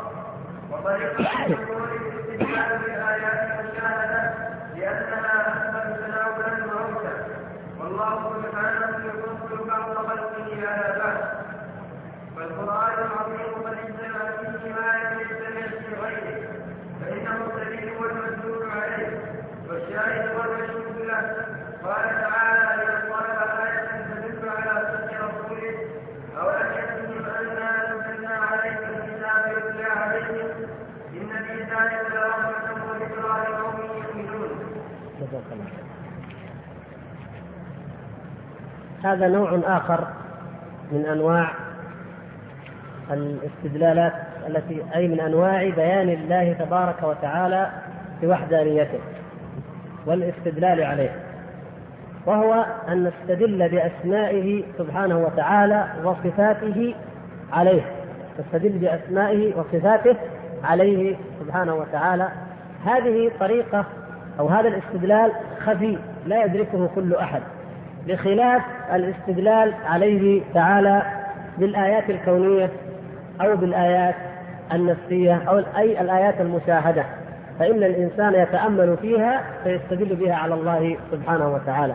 لكن من رقي إيمانه ومن عظمت في قلبه معرفة الله سبحانه وتعالى ومن قدر قدر الله تعالى حق قدره فإنه يستدل بمعرفته لله سبحانه وتعالى على ما يليق به تعالى أو ما لا يليق به من الأفعال ومن ذلك أنه يستدل بمعرفته لله سبحانه وتعالى وبأسمائه وصفاته على أنه لا يجوز أن يشرك به تبارك وتعالى أي أحد سواه في أي نوع من أنواع العبادة.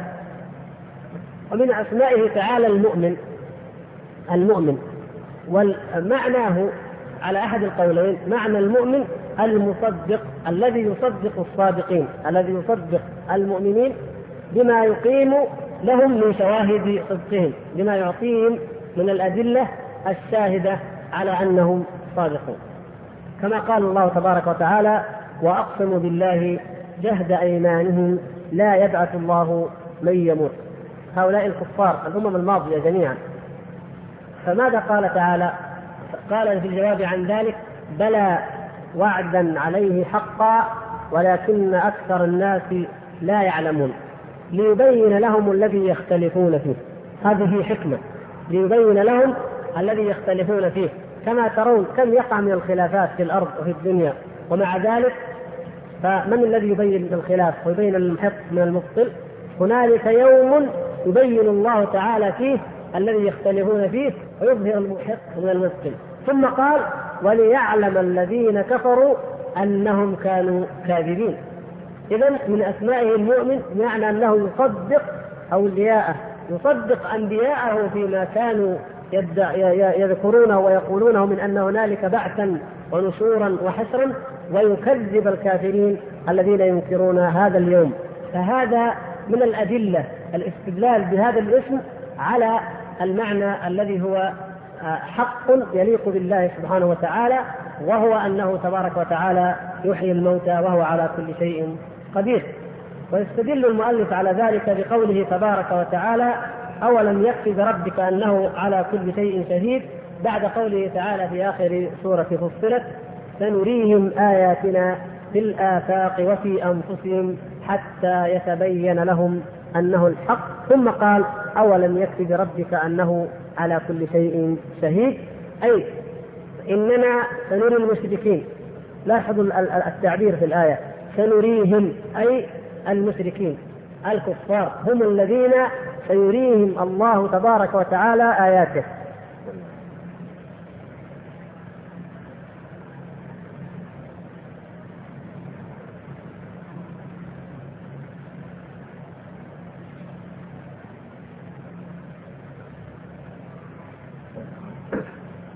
هذا والله أعلم فيه إشارة إلى ما وقع وترونه الآن وهو أن أكثر الآيات الكونية والآيات النفسية إنما اطلع عليها وإلى الآن أكثر الناس اطلاعا عليها هم الكفار. ومع ذلك لم يؤمنوا. لكن الله تعالى يقول سنريهم آياتنا في الآفاق وفي أنفسهم. الآيات الآفاقية والآيات النفسية حتى يتبين لهم أنه الحق أي القرآن حتى يتبين لهم أن هذا القرآن وأن هذا الوحي حق. ثم قال أولم يكف بربك أنه على كل شيء شهيد؟ فهذا فكونه تبارك وتعالى شهيدا ومطلعا على كل شيء أعظم في الاستدلال عليه سبحانه وتعالى وعلى أن هذا القرآن حق وعلى أن النبوة حق أعظم من الآيات الكونية التي هي آيات عظيمة بلا شك لكن أعظم منها كونه تعالى على كل شيء شهيد أي مطلع ورقيب ولا يعزب عنه شيء. ومن ذلك أن نطبق هذا الاستدلال على نبوة النبي صلى الله عليه وسلم وعلى القرآن الذي جاء به النبي صلى الله عليه وسلم وقال إن هذا وحي أوحي إلي من الله تبارك وتعالى. فنقول إن الله سبحانه وتعالى لما بعث هذا الرسول ولما أنزل هذا القرآن كان الناس في الأرض على نوعين. أهل كتاب يزعمون أن ما في أيديهم من الصحائف ومن الكتب هو الوحي الحق المنزل من عند الله. والمشركون كمشركي العرب وأمثالهم من عبدة النيران والأبصار الذين لا كتاب لهم وإنما ورثوا عن الآباء ورثوا عن الأجداد. هذه الأديان واعتقدوها انا وجدنا آباءنا على على أمة وإنا على آثارهم مقتدون. طيب هذا هو هذا النوعان كانت البشرية على نوعين فيأتي دعوة جديدة ظهرت دعوة جديدة كان العرب يقولون من هذا الرجل الذي يزعم أنه نبي؟ زعم جديد، دعوة جديدة وهو أن كتابا من عند الله تبارك وتعالى نقيا خالصا قد نزل تصديقا لما بين يديه من الكتاب وهدى وبشرى للمؤمنين. اذا نقول أولم يكفي بربك أنه على كل شيء شهيد كيف نستدل بشهادة الله واطلاع الله على أن هذا الرجل صادق محق؟ إن كان الحق مع أهل الكتاب الذين أنزل عليهم الكتاب والذين كانت التوراة والإنجيل بأيديهم وهم يفتخرون على العرب ويسمونهم الأميين ويسمون من عداهم ذلك بأنهم قالوا ليس علينا في الأميين سبيل هم شعب الله المختار كما يدعي اليهود وما عداهم أميون كالحمير خلقوا لخدمتهم. هؤلاء ماذا إن كان هؤلاء على الحق وعلى الدين الصحيح فماذا صنع هذا القرآن والنبي الذي يحمل هذا القرآن ماذا صنع بهؤلاء اليهود؟ ماذا فعل بهم؟ نجد أولا أن من حملة هذا الكتاب من شهد بصدق هذا النبي. أولم يكن لهم آية؟ أن يعلمه علماء بني إسرائيل وشهد شاهد من بني إسرائيل على مثله. الذين آتيناهم الكتاب من قبله هم به يؤمنون. فإذا يتلى عليهم قالوا آمنا به إنا كنا من قبله مسلمين. والذين قالوا آمنا به إنه الحق من ربنا إنا كنا من قبله مسلمين. كانوا على الدين الماضي الحق وكانوا يتوقعون أن يأتي أيضا الدين الحق وكتاب الحق كما بشرهم بذلك أنبياؤهم. فإذا منهم من هؤلاء القوم أنفسهم من صدق ومن أيقن بصحة هذا الكتاب. ما حكم من كذب؟ يأتي هذا النبي بهذا الذي جاء بهذا القرآن فيقتل هؤلاء القوم كما فعل ببني قريظة ويجليهم من بلادهم كما فعل بغيرهم من اليهود الذين بني نظير مثلا يقتلهم. ويظهره الله سبحانه وتعالى عليهم. ويأتي إلى مقر الدولة العظمى التي تحمي هذا الدين وهي الإمبراطورية الرومانية في بلاد الشام. وتأتي الجيوش التي تحمل هذا القرآن وتقضي على هذه الدولة. ويأتون إلى الرهبان الذين في أو علماء دينهم الذين جمعوا الناس. وقادوا الجيوش من الأحبار والرهبان. جمعوا الجيوش ورفعوا راية الصليب وقالوا نحن أهل الدين الحق ونحن لدينا الإنجيل ونحن أتباع عيسى يأتي هذا النبي فيدمر هؤلاء الناس أو أتباعه ويقتلون هؤلاء ويأخذونهم أسرى عندهم ويحكمون بأن هذه الكتب باطلة وأنها ضلال وأنها محرفة ويضربون عليهم الجزية ويسترقون من يسترقون منهم ويقتلون من يقتلون ثم يأتون إلى أيضا الأمم الشرقية التي كانت تعبد النيران والأحجار وأمثال ذلك ومنهم هؤلاء العرب. فيقول العرب نحن أهل الدين الحق ونحن الذين على الحق ونحن على ملة إسماعيل وإبراهيم ويأتي ويقتل هؤلاء القوم أيضا كما فعل في في بدر وكما فعل يوم الفتح ببعضهم وما بعد ذلك. ثم يحتل هذا البيت يفتحه ثم يكون له ولأتباعه من بعده إلى قيام الساعة. يعني يأتي يفعل هذه الأفعال. في حق أناس يدعون أنهم هم الذين يملكون الحق وحده ومع ذلك ما عمل عملا إلا والنصر معه. وما خطى خطوة إلا والنصر حليفة. وما تقدمت الجيوش التي ترفع رايته وتعلي كلمته إلا وهي منتصرة على قلة العدد وعلى الضعف وعلى قلة العدة وعلى كثرة الأعداء. وما نوظروا في مناظرة إلا وأفحموا خصمهم ولا جادلوا غيرهم إلا وغلبوه. وما احتج على دينهم أحد إلا وغلب وأفحم ويظهر عليه الخزي والذل والعار. سبحان الله. هذا يدل على ماذا؟ أولم يكفي بربك أنه على كل شيء شهيد. لولا أن هذا النبي حق ولولا أن رسالته حق كيف تحصل له هذه الأدلة العظيمة؟ ولذلك أهل العقول أهل الألباب الذين يستدلون بصفات الله وبما يليق بالله تعالى على أفعال الله يعلمون أن الله إنما نصر هذا الرجل وإنما أظهر كلمته وإنما سلطه على أمم الأرض وعلى أهل الكتب السابقة لأنه هو وحده على الحق. وإلا فقد قال تعالى ولو تقول علينا بعض الأقاويل لو كان لو كان من عنده شيء هو من عند نفسه لأخذنا منه. باليمين ثم لقطعنا منه أي لعاقبناه عقوبة أعظم من عقوبتكم. فإن قريشا لم تأخذ من النبي صلى الله عليه وسلم بشيء ولم تقطع منه بشيء وإنما هو ظاهر عليها. حتى عندما حاولت أن تقتله لم تستطع. وحاولت اليهودية أن تضع له السم فأنطق الله سبحانه وتعالى الشاة المسمومة وهكذا آيات عظيمة. هل يليق فعلا بمن يؤمن بالله؟ من يؤمن بالله؟ ومن يؤمن بأن الله حكيم سبحانه وتعالى وأنه عادل وأنه رحيم. فنقول له هل يليق بحكمة الله ورحمة الله وعدل الله وإحسان الله أن يؤيد هذا الرجل وهو كاذب عليه كما تزعمون؟ يكذب عليه ويفتري عليه ويأتي بكتاب من عنده ويقتل أهل الكتب التي تقولون إنها هي الحق من عنده ويؤيده وينصره؟ هذا ليس بإله ليس بإله حق لا يليق بالله عز وجل. إلا أن نقول إن هذا النبي على الحق وأن حكمة الله ورحمة الله تعالى للعالمين وما أرسلناك إلا رحمة للعالمين. وأن رحمة الله للعالمين وحكمته وإحسانه للبشريه هو الذي اقتضى بأن يبعث في في الأميين رسولا منهم وأن يكون الأميون هؤلاء قاده وفاتحين يفتحون بلاد أهل الكتاب وبلاد عبدة النيران ويخضعونها لدين الله سبحانه وتعالى ويعود هذا الدين الذي هو من عند الله ليظهره على الدين كله ولو كره الكافرون ولو كره المشركون. هذا هو اللائق بالله سبحانه وتعالى وهو اللائق بصفاته سبحانه وتعالى. ومن هذا الاستدلال الخفي العجيب والذي كما قال الشارح لا يستدل به إلا الخواص استدلت خديجة رضي الله عنها. وهذا يدل على فقه خديجة رضي الله عنها وعلى كمال عقلها. فإنه لما قال النبي صلى الله عليه وسلم لقد خشيت على نفسي في حديث الوحي المعروف بكم جميعا. لما قال ذلك ماذا قالت خديجة رضي الله عنها؟ قالت كلا والله لا يخزيك الله ابدا. سبحان الله. كيف هذا؟ تعلم أن من كان هذا حاله لا يخزيك الله ابدا. ثم بينت ذلك إنك تحمل الكلب وتقري الضيف وتحمل وتعين على نوائب الحق تطعم المسكين وتعين على نوائب الحق.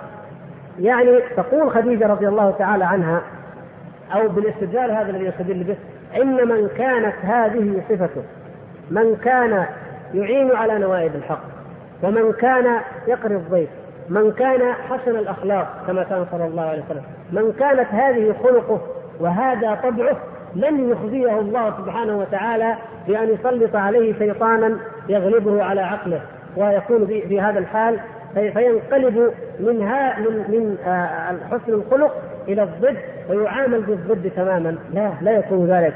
قالت والله لا يخزيك الله أبدا. أي اطمئن. أنت لا تعمل إلا الخير ولا تعمل إلا الحق. وفي حياتك كلها في أعمالك كلها ما يدل على أنك لن تبشر ولن تؤتى إلا الخير وإلا الفضل وإلا الحق من الله سبحانه وتعالى. فما دام هذا حالك فلن يخزيك الله. اذا هي تعلم أنه سبحانه وتعالى لا يخزي من كان على الحق ومن كان هذا شأنه. فهي من أفقه الناس وافطنهم لهذا الاستدلال الذي يقوله المؤلف وهو أننا نستدل بمعرفتنا لأسماء الله بحكمته سبحانه وتعالى وبعدله وبإحسانه على صدق دلائل نبوة محمد صلى الله عليه وسلم. وبعض الأفعال لو نسبها أحد إلى الله عز وجل لاستدللنا بأن هذا الفعل كاذب وان هذا الفعل كذب. لماذا؟ لا يفعل الله ذلك لأنه يتنافى مع حكمته سبحانه وتعالى. ولهذا لما قال بعض المتكلمين إنه يجوز أن يدخل الله تعالى إبليس في الجنة ويعذب الأولياء والأنبياء في النار يجوز ذلك عقلا؟ قلنا لهم لا لا يجوز ذلك. وأنتم وما تجيزوه وما تجيزه عقولكم مردودون مرفوضون لأن هذا لا يليق بحكمة الله تعالى. أفنجعل المسلمين كالمجرمين؟ ما لكم. كيف تحكمون لا يمكن أن يكون ابدا هذا حكمة الله تدل على أن هذا الأمر غير ممكن ابدا ولذلك لما ادعى مسيلمة الكذاب لما ادعى النبوة ولما ادعى أن لديه قرآن ولما ادعى أن لديه وحي هل أيده الله؟ هل أظهره الله؟ هل نصره الله سبحانه وتعالى؟ هل آتاه آيات بينات تظهر الخلائق؟ أبدا كل من من ادعى النبوة فإن الله عز وجل يفضحه من واقع كلامه الذي يقوله. إلا ومن كان على الحق نصره سبحانه وتعالى وأيده. ولذلك نجد كلام القرآن الذي يدعيه مسيلمة مثلا. أو كما تعلمون جميعا كلام مضحك سخيف جدا. يا ضفدع بنت في الماء تنقين ولا الطين تبلعين. كلام هل يمكن أن يكون هذا من عند الله عز وجل؟ والطاحنات طحنا والعجنات عجنا. لا يمكن لا يمكن أن يكون هذا قرآن ابدا. ولذلك العرب عقلاء قريش لأنهم على عقل لم يفكروا أن يعارضوه ولو بآية واحدة. شوف حتى يتبين لهم أنه الحق أي القرآن. لم يفكروا أن يعارضوه ولا بآية واحدة. قالوا لمسيلمة الكذاب إن محمدا جيء له بعلي في يوم خيبر وكان في عينه رمد فتفل فيها فبرئت. قال هات أنا ادخل فجيء إليه برجل مريض العين فتفل فيها فعميت لماذا؟ لأن حكمة الله عز وجل تأبى أن يأتي آية أو معجزة بينة أو برهانا لكاذب من الكاذبين. حتى أحمد القادياني هذا الكذاب كما تعلمون القاديانية كان يأتي بكتب ويسميها البيان ويسميها الكتاب الأقدس ما في كتب ألفها ويقول هذه وحي يوحى إليه من عند الله. كان هذا الرجل لا لا يعرف الحذاء الأيمن من الحذاء الأيسر إذا أراد أن يلبس الحذاء. ولذلك اضطر كما يقول خادمه اضطر أنه يضرب واحد من الاحذيه بويه حتى يعرف إنه حق اليمين سبحان الله العظيم. هذا الذي يجهل هذا الشيء. يكون هذا نبي فعلا يكون يوحى إليه فعلا. هذا الذي يقول قد سقط عنكم جهاد الإنجليز. والحكومة الإنجليزية هي التي تمثل يعني ظل الله في الأرض كما يقول. هل يمكن أن يكون هذا نبي؟ مسيلمة عندما قالوا له إن كل نبي يأتي بما رحمة يرحم بها قومه. فما ترحم قومه؟ قال قد أسقطت عنكم فريضتين صلوا ثلاث فرائض. أو أسقطت عنكم ثلاث صلوا فريضتين من السهولة بمكان أن الإنسان يشرع لأنه ما دام من عنده فمن السهولة أن يبدل أو يغير أو يعمل ما يشاء. ولكن النبي صلى الله عليه وسلم لما قال له الكفار ائت بقرآن غير هذا أو بدله. ماذا قال صلى الله عليه وسلم؟ قل ما يكون لي أن أبدله من تلقاء نفسي إن أتبع إلا ما يوحى إلي. أبدا. لا يملك النبي صلى الله عليه وسلم ذلك. وكما قالت عائشة رضي الله عنها لو كان كاتما لو أن محمد صلى الله عليه وسلم كاتما شيئا من القرآن لكتم هذه الآية. الآية في سورة الأحزاب التي جاءت بشأن قصة زيد رضي الله تعالى عنه. عندما قال الله سبحانه وتعالى فلما قضى زيد منها وطرا زوجناكها لكي لا يكون على المؤمنين حرج في أزواج أدعيائهم إذا قضوا منهن وطرا. الآية التي قبلها وتخفي في نفسك ما الله مبديه وتخشى الناس والله احق أن تخشاه. لو كان النبي صلى الله عليه وسلم كاتما شيء أو يملك أن يكتم شيء لكتم مثل هذه الآية. لكتم عبس وتولى أن جاءه الأعمى. وهذه عتاب من الله عز وجل له. لكتم قوله تعالى لولا كتاب من الله سبق لمسكم فيما أخذتم فيه عذاب عظيم. وهكذا آيات عظيمة في عتابه في بشأن الاسرى الشاهد أنه صلى الله عليه وسلم نستدل على صدق نبوته ونستدل على صدق القرآن بمعرفتنا لحكمته تعالى. وأنه لا ينصر ولا يؤيد ولا يظهر إلا من كان فعلا على الحق ومن كان يدعو إلى الحق. ومثل ما كان له صلى الله عليه وسلم يكون في أتباعه من بعده. لو قيل لأحدنا من هو الخليفة الذي عذب الإمام أحمد أو من هو الذي كان قائد الشرطة أيام الإمام أحمد الذي تولى التعذيب من كان مدير السجن في أيام الإمام أحمد؟ من كان ما نعرف هؤلاء الناس جميعا. من هو الوالي الذي طرد البخاري؟ الذي طرد البخاري وأخرجه وآذاه. يعني لا يعرف هذه الأسماء إلا من تخصص وقرأ. لو قيل لأحدنا من العلماء الذين كانوا أكبر علماء في زمان شيخ الإسلام ابن تيمية وكانوا يناظرونه ووشوا به السلطان وسجن من أجلهم من هؤلاء العلماء؟ ما نعرفهم إلا من قرأ ودقق في سيرة شيخ الإسلام ابن تيمية وهكذا. ولكن مع ذلك نجد الإمام أحمد أظهره الله ونصره الله حتى عرفه الخاصة والعامة وعرفوا أنه كان صادق وكأنه كان على الحق. وكذلك الإمام البخاري وكذلك الإمام شيخ الإسلام ابن تيمية رحمه الله تعالى. فإن أكثر المسلمين الآن في العالم يعرفونه وقد ظهرت دعوته وانتشرت كتبه. وفي عهده مات وهو سجين وحيد في القلعة لم لا يملك أي شيء. حتى أنهم جردوه من قلمه. أن نقول ما كان للأنبياء هو أيضا لأتباع الأنبياء، الشاهد واحد وهو أن من كان على الحق فإن الله عز وجل ينصره ويؤيده ولو بعد حين ومن كان على الباطل من جاء بباطل ونسبه إلى الله ومن افترى الكذب على الله ومن ابتدع في دين الله ونسبه إلى الله فإن الله عز وجل يفضحه ويخزيه ولو بعد حين ويظهر للعالمين كذبه وزيف ما ادعاه وبطلانه ولو بعد حين فهذا من الاستدلال بحكمته سبحانه وتعالى وكمال رحمته وكمال إحسانه على ما يقع في خلقه ولا سيما دعوى النبوة التي هي أعظم الدعاوى. إذا نقول هذا الطريق هو طريق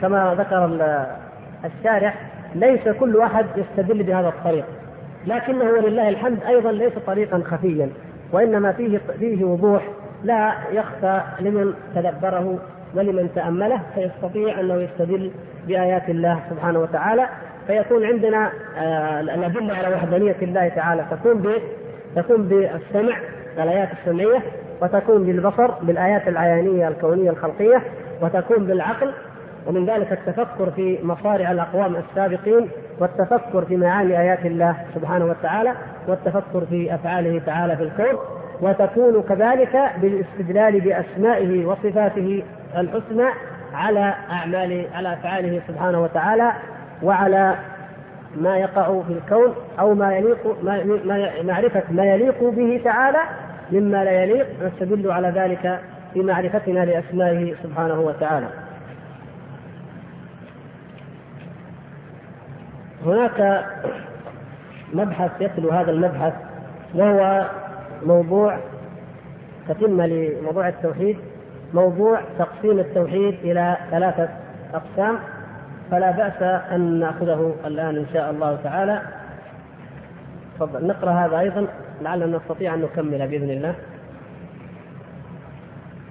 وإذا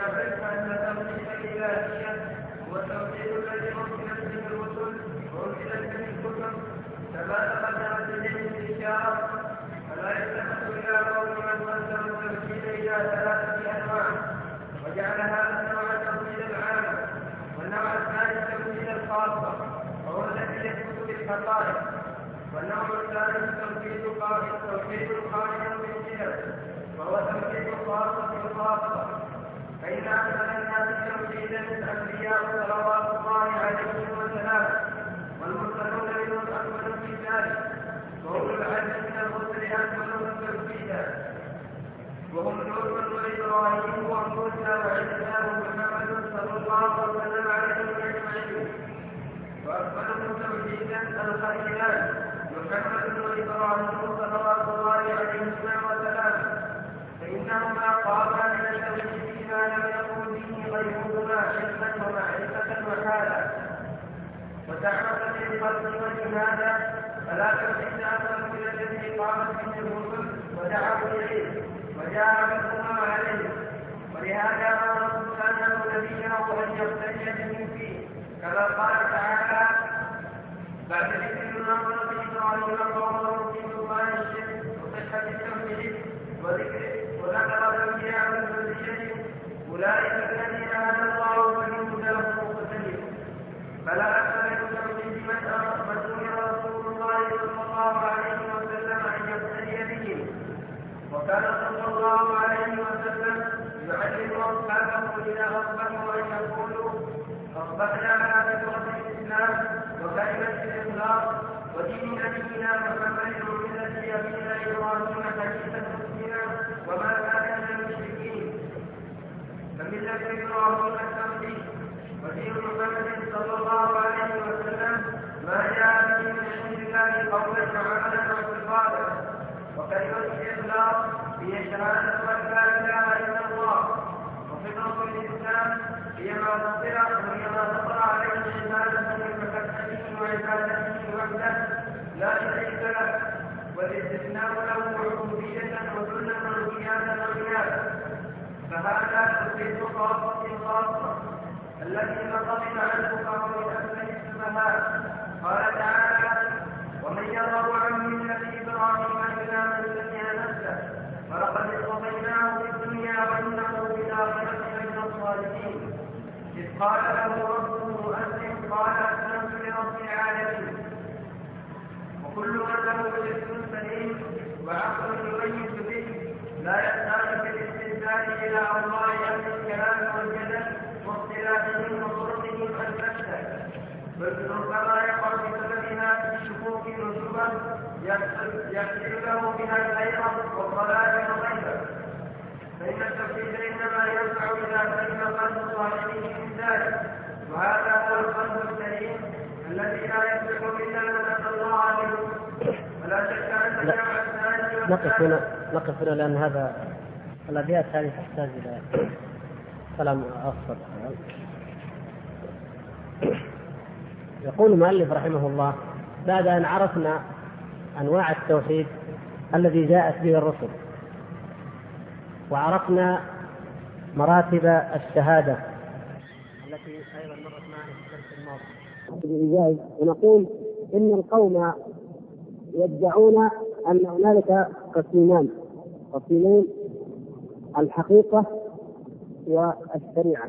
الشريعة هي هذه هي ظاهر هذه الآيات. هي القرآن والسنة والأحكام الظاهرة. هذه التي نسميها نحن الشريعة يسمونها هم شريعة.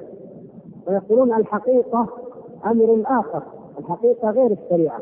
وقد يثبت بالحقيقة ما لا يثبت بالشريعة وسبق أن وضحنا مثلا مثالا لذلك وهو استدلالهم بقصة الخضر مع موسى عليهما السلام.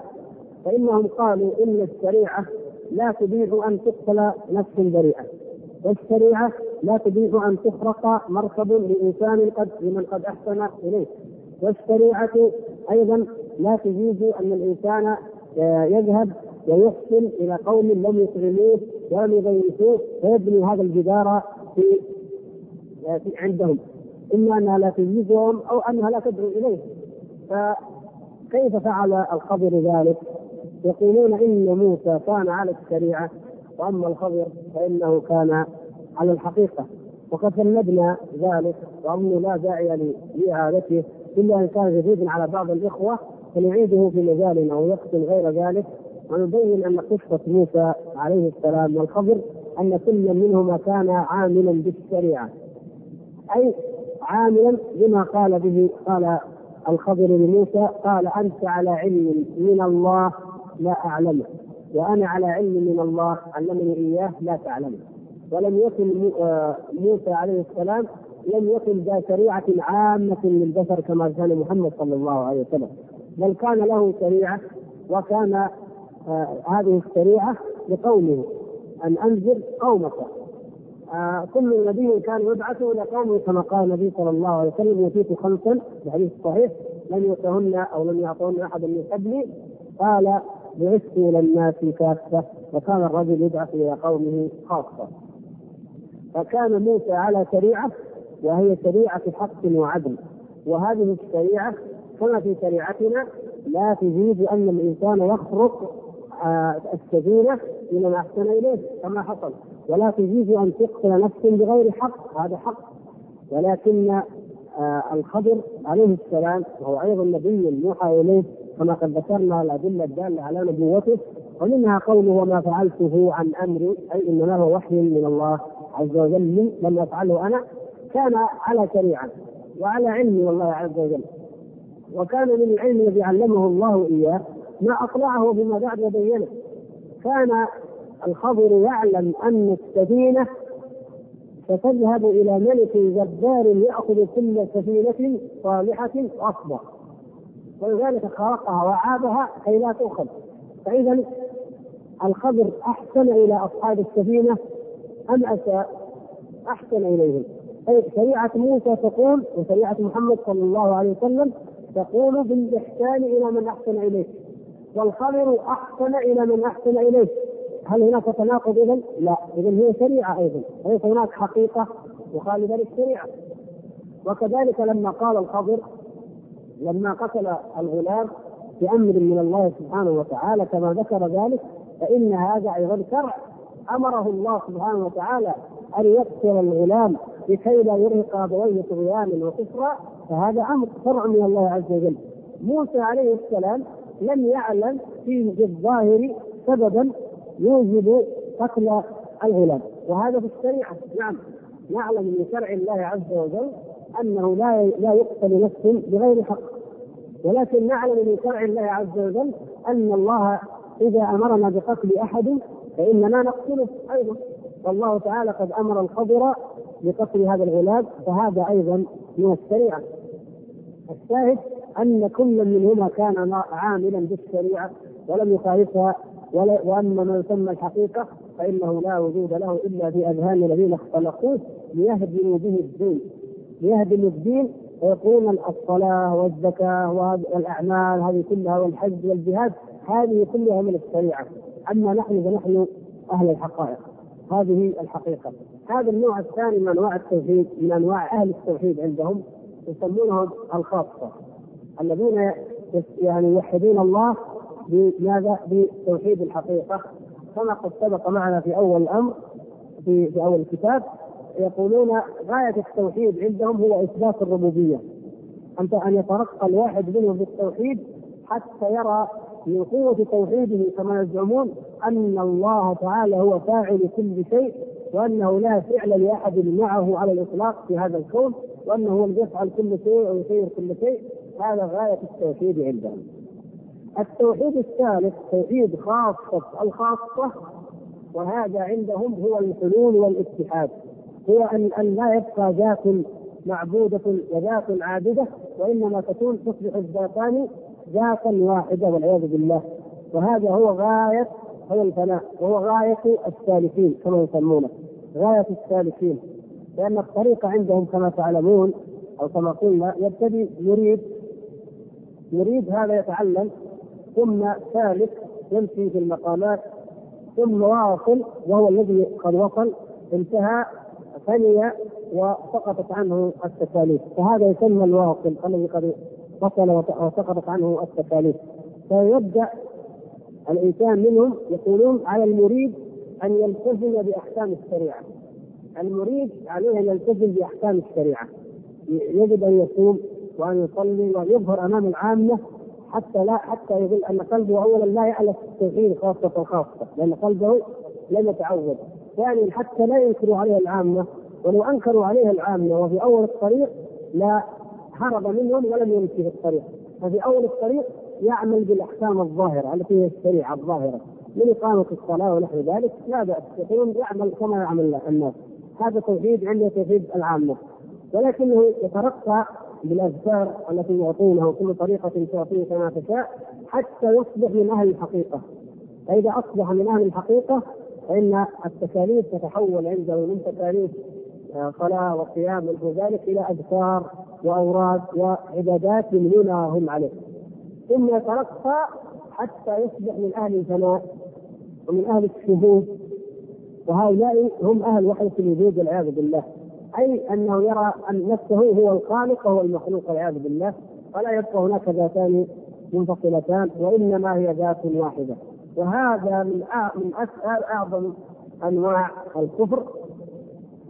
وأبو حامد الغزالي غفر الله تعالى له وقد رجع عن هذا في آخر حياته كما قد بينا وانه رجع وأنه مات والصحيحين آه، على صدره أنه ندم على ما فرط منه. لكن يقول أبو حامد عندما ذكر هذه الأشياء ذكرها كمصدر من مصادر الحقيقة ومصادر المعرفة ولم يكن مستيقنا من لوازم هذا القول وما ينبني عليه. لأنه يقول كما ذكر في الإحياء كيف يترقى الإنسان لينتقل من كونه من أصحاب التوحيد العامة أي من أصحاب الشريعة إلى أن يكون من أصحاب الحقيقة. يقول اما نذهب إلى جبل أو إلى مغارة يختلي فيها ويذكر حتى يأتيه الكشف. فإن لم يستطع فليأخذ كساء أسود غليظ ويلفه على رأسه حتى كأنه قد اختلى ويظل يردد ويقول الله الله الله يردد ما ما يذكره من الأذكار حتى يأتيه الكشف. هذه الأشياء كانت سببا لأن يأتي من بعده كما يأتي أيضا الهروي. الهروي وأبو حمد الغزالي نقول ونحسن الظن بهم أنهم لم يكونوا يدركون ماذا سيترتب على هذا الكلام. جاء من بعدهم جاء بعدهم الملاحدة الذين كشفوا القناع وصرحوا بذلك. وقد كان قبلهم أيضا من صرح بذلك ولكن أكثر المتأخرين يعتمدون على كتاب الهروي. طبعا قد قلنا كتاب الهروي هو منازل السائرين الذي شرحه الإمام ابن القيم في كتابه مدارس السالكين. وكتاب ابو حامد الغزالي هو إحياء علوم الدين وكذلك الموقظ من الضلال وكذلك الرسائل الأخرى التي جمعت وطبعت كما تعلمون. ففيها من هذا الكلام كما ستأتينا أبيات الهروي مثلا. نرد على هؤلاء جميعا وهذا هو الذي يهمنا أن نرد عليهم ونقول إن أكمل الناس توحيدا هم الخليلان كما قال من محمد صلى الله عليه وسلم وإبراهيم عليه السلام. أكمل الناس توحيدا.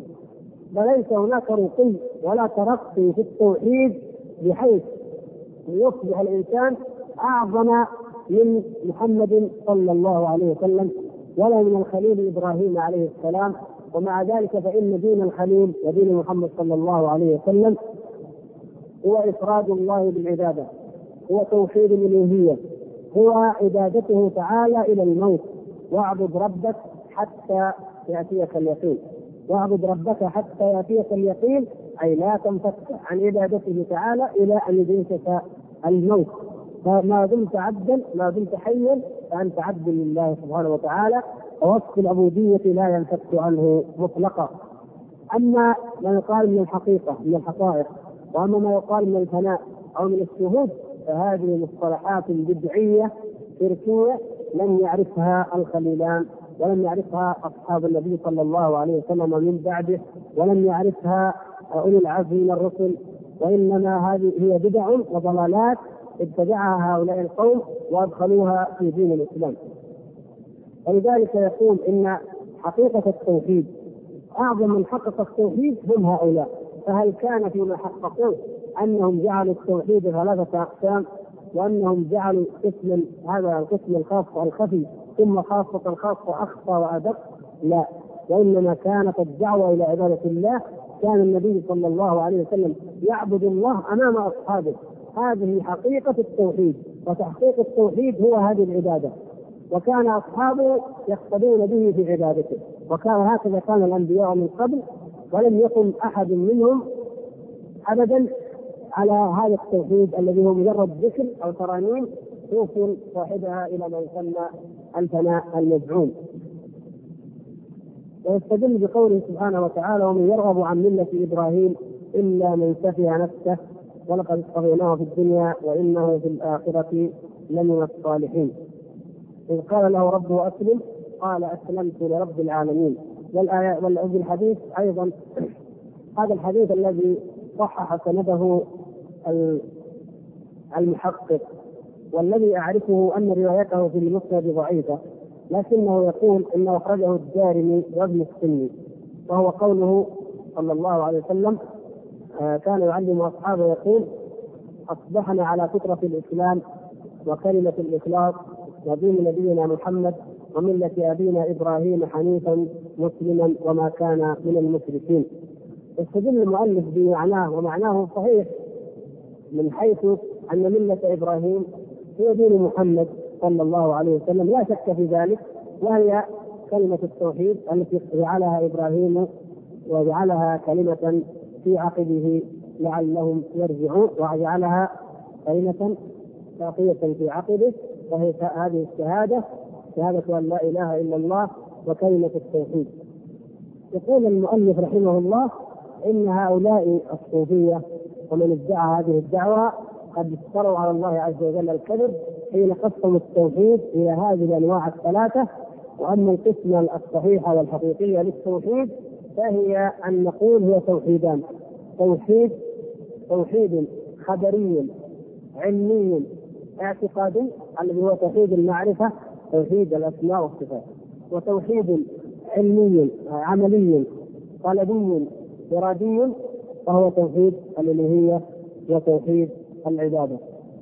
وأيضا قلنا أن كما يأتي أن المؤلف قال أن هناك توحيدان أي باعتبار آخر توحيدان توحيد آه، المرسل وهو الله سبحانه وتعالى وتوحيد متابعة الرسول وهو النبي صلى الله عليه وسلم فنوحد الله تعالى بالطاعة والعبادة أن نعبده وحده ونوحد النبي صلى الله عليه وسلم بالإقتداء ولا نقتدي بأحد خالفه وإذا طبقنا هذه الأنواع الصحيحة الواردة في سورة الفاتحة وغيرها من الآيات في القرآن كله كما مر معنا في الدرس الماضي هذه انواع التوحيد التي جاء بها القرآن كله ودل عليها القرآن كله إذا طبقناها على أو طبقنا تلك الأنواع عليها الأنواع الثلاثة التي احدثها المبتدعه نجد أن هذا الكلام من اسود الكذب ومن أبطل الباطل.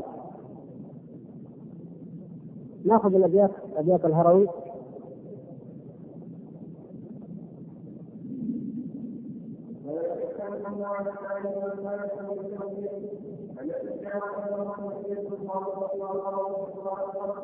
للذين كان يسلم اليه قال وصيه وهو تقرب منه يؤمن إلى الاجتماع وهو إلى ما تكلم الانسان يقول إلى رسول الله تعالى حيث يقول ما رحمه الله كل من رحمه يأخذ يطيقون يطيق أن يأخذوا عادتهم والصبر والإحصان والمعنى يطيقهم إياه فيكفره من يغلبه كاملا وإن كان قالوا رحمه الله ذكر ذكر. لكن ذكر رحمه الله تعالى في وأقسم بالله من الإيمان يكفرون ولو كان الله أن يتكلم عن ما تكون مع أن الذي كان قوله وكان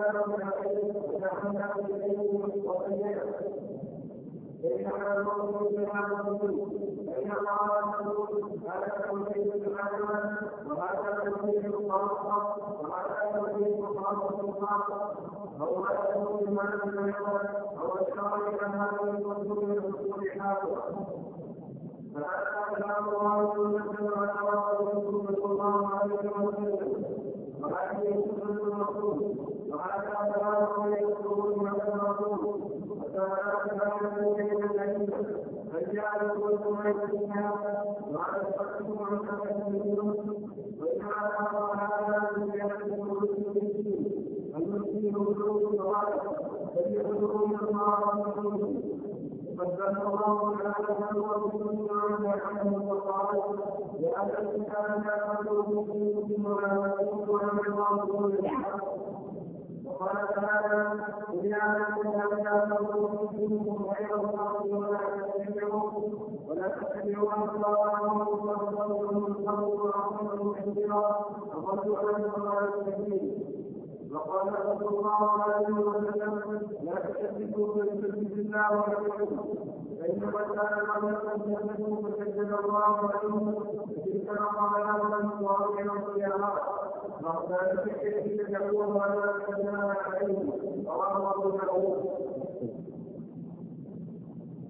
كما ذكر رحمه الله أن هذا القول بهذه القسمة يفضي إلى القول بالحلول والاتحاد وذكر على ذلك دليلا الأبيات التي ذكرها الهروي في كتابه منازل السائلين يشرح الأبيات يقول ما وحد الواحد من واحد. ما وحد الواحد من واحد. الواحد هو الله سبحانه وتعالى. ما وحد الله سبحانه وتعالى أحد. الله تعالى يقول لم يوحده أحد إذ كل من وحده جاحد فيحكم بأن كل من وحد الله فهو جاحد توحيد من ينطق عن نعته عارية أبطلها الواحد. يقول إن توحيد من ينطق عن نعته كل من تكلم في التوحيد وفي صفات التوحيد من الناس فإن هذا التوحيد عارية أبطلها الواحد الذي هو الله سبحانه وتعالى فلا حقيقة لتوحيد هؤلاء القوم. توحيده إياه توحيده. توحيده الأولى مبتدأ توحيده الثانية خبر. يعني توحيد الله لنفسه هو التوحيد فقط. توحيد الله لنفسه هو التوحيد. توحيده إياه توحيده. حقيقة توحيده هو ما وحده هو نفسه. لا ما وحده غيره ونعت من ينعته لاحد. وكل يعني وصف غير الله عز وجل له سبحانه وتعالى إلحاد. نعت غير الله لله إلحاد. نحن من خلال الآية التي سبقت في الدرس الماضي آية الشهادة نستطيع أن نرد على هذه الأبيات كما رد عليها ابن القيم في المدارج. وهو قول الله تبارك وتعالى شهد الله أنه لا إله إلا هو ثم قال بعد ذلك والملائكة وأولو العلم. فأثبت الله سبحانه وتعالى أن الملائكة وأن أولي العلم وحدوه شهدوا له بالوحدانية. فمن يقول بأنه لم يوحد الله أحد وأن من وحده أو نعته فإنه لاحد ملحد جاحد فهذا مكذب لهذه الآية. أي أنها أن مما يبطل هذه الأبيات هو هذه الآية التي سبق معنا إيضاحها وتفسيرها كاملة. فإن الله سبحانه وتعالى قد بين أن عباده يوحدوه بل ذكر ابن القيم رحمه الله تعالى يقول إن الأرض والسماء نفسها هذه التي تسبح الله وإن من شيء إلا يسبح بحمده ولكن لا تفقهون تسبيحهم. هي نفسها توحد الله عز وجل وتعبده. فهذا الكلام ينفي أن شيئا يوحد الله لا الأنبياء ولا العباد الصالحون ولا مخلوقات الله التي تسبح الله سبحانه وتعالى بحمده وحده. وهذا هذا دليل على بطلان هذا القول وهو أنه لم يوحد الله أحد وأن من وحده فهو ملكه لماذا وقع في ذلك هذا هذا الرجل الهروي؟ وقع فيه نتيجة الغلو غلا في فهم التوحيد حتى ظن أن حقيقة التوحيد الذي هي في ذهنه أن التوحيد أمر خفي عميق بعيد لا يدركه أحد. ولذلك لم يوحد الله أحد ابدا إلا هو نفسه الذي وحد نفسه. من هذا المنطلق من منطلق الغلو مع الابتعاد عن نصوص الكتاب والسنة وقع فيما وقع فيه أهل الكتاب. من الغلو ومن القول بهذا القول الذي تشبهه الآيات الصريحة والأحاديث الصريحه في كتاب الله سبحانه في كتاب الله وفي سنة النبي صلى الله عليه وسلم. جاء الاتحاديون أهل مسلمين الاتحاد وتعلقوا بهذه الأبيات وقالوا إن الهروي كان من أهل الحلول والاتحاد لأنه يقول إن الله لم يوحده من من أحد غيره فهو الذي وحد نفسه اذا البشر كل البشر لا يوحدون الله اذا من الذي يعرف حقيقة التوحيد؟ كما قالوا يعرفها من يؤمن بالوحدة الوجود من يؤمن بالحلول والاتحاد فهذا الكلام دليل لهم. يقول الشارح يقول وإن كان قائله رحمه الله لم يرد به الاتحاد. القائل الهروي أراد الغلو في مفهوم التوحيد ولم يرد حقيقة الاتحاد لكنه لما جاء بهذا اللفظ لما جاء بهذا الكلام الباطل الذي ابطله القرآن واقرته السنة وليس له أصل من الكتاب ولا من السنة. جاء الاتحادي فنسبه إليه وادعاه إليه. ولا يهمنا أن يكون الهروي أراد هذا أو لم يرد. وإن كان الظاهر من سيرة الرجل أنه كان آمرا بالمعروف وناهيا عن المنكر وكان من مثبتي الصفات لله سبحانه وتعالى. وإنما المأخذ عليه هو أنه مشى على منهج الصوفية وأخذ اصطلاحاتهم في المقامات والأحوال والمنازل والإشارات.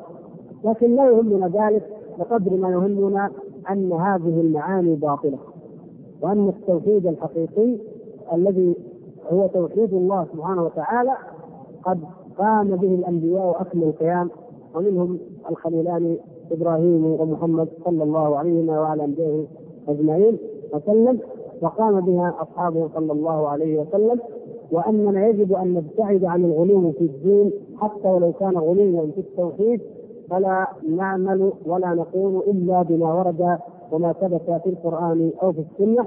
وأما الغلو فإنه قد أهلك أهل الكتاب من قبلنا وقد أهلك هؤلاء الذين ظنوا أنهم بهذه التعقيدات وبهذه التجريدات وبهذه الخيالات والشطحات يوحدون الله سبحانه وتعالى حق توحيده. ويعرفون قدره ويعرفون عظمته. يظنون أنه من تعظيم الله أنهم يقولوا إن الله لم يوحده أحد.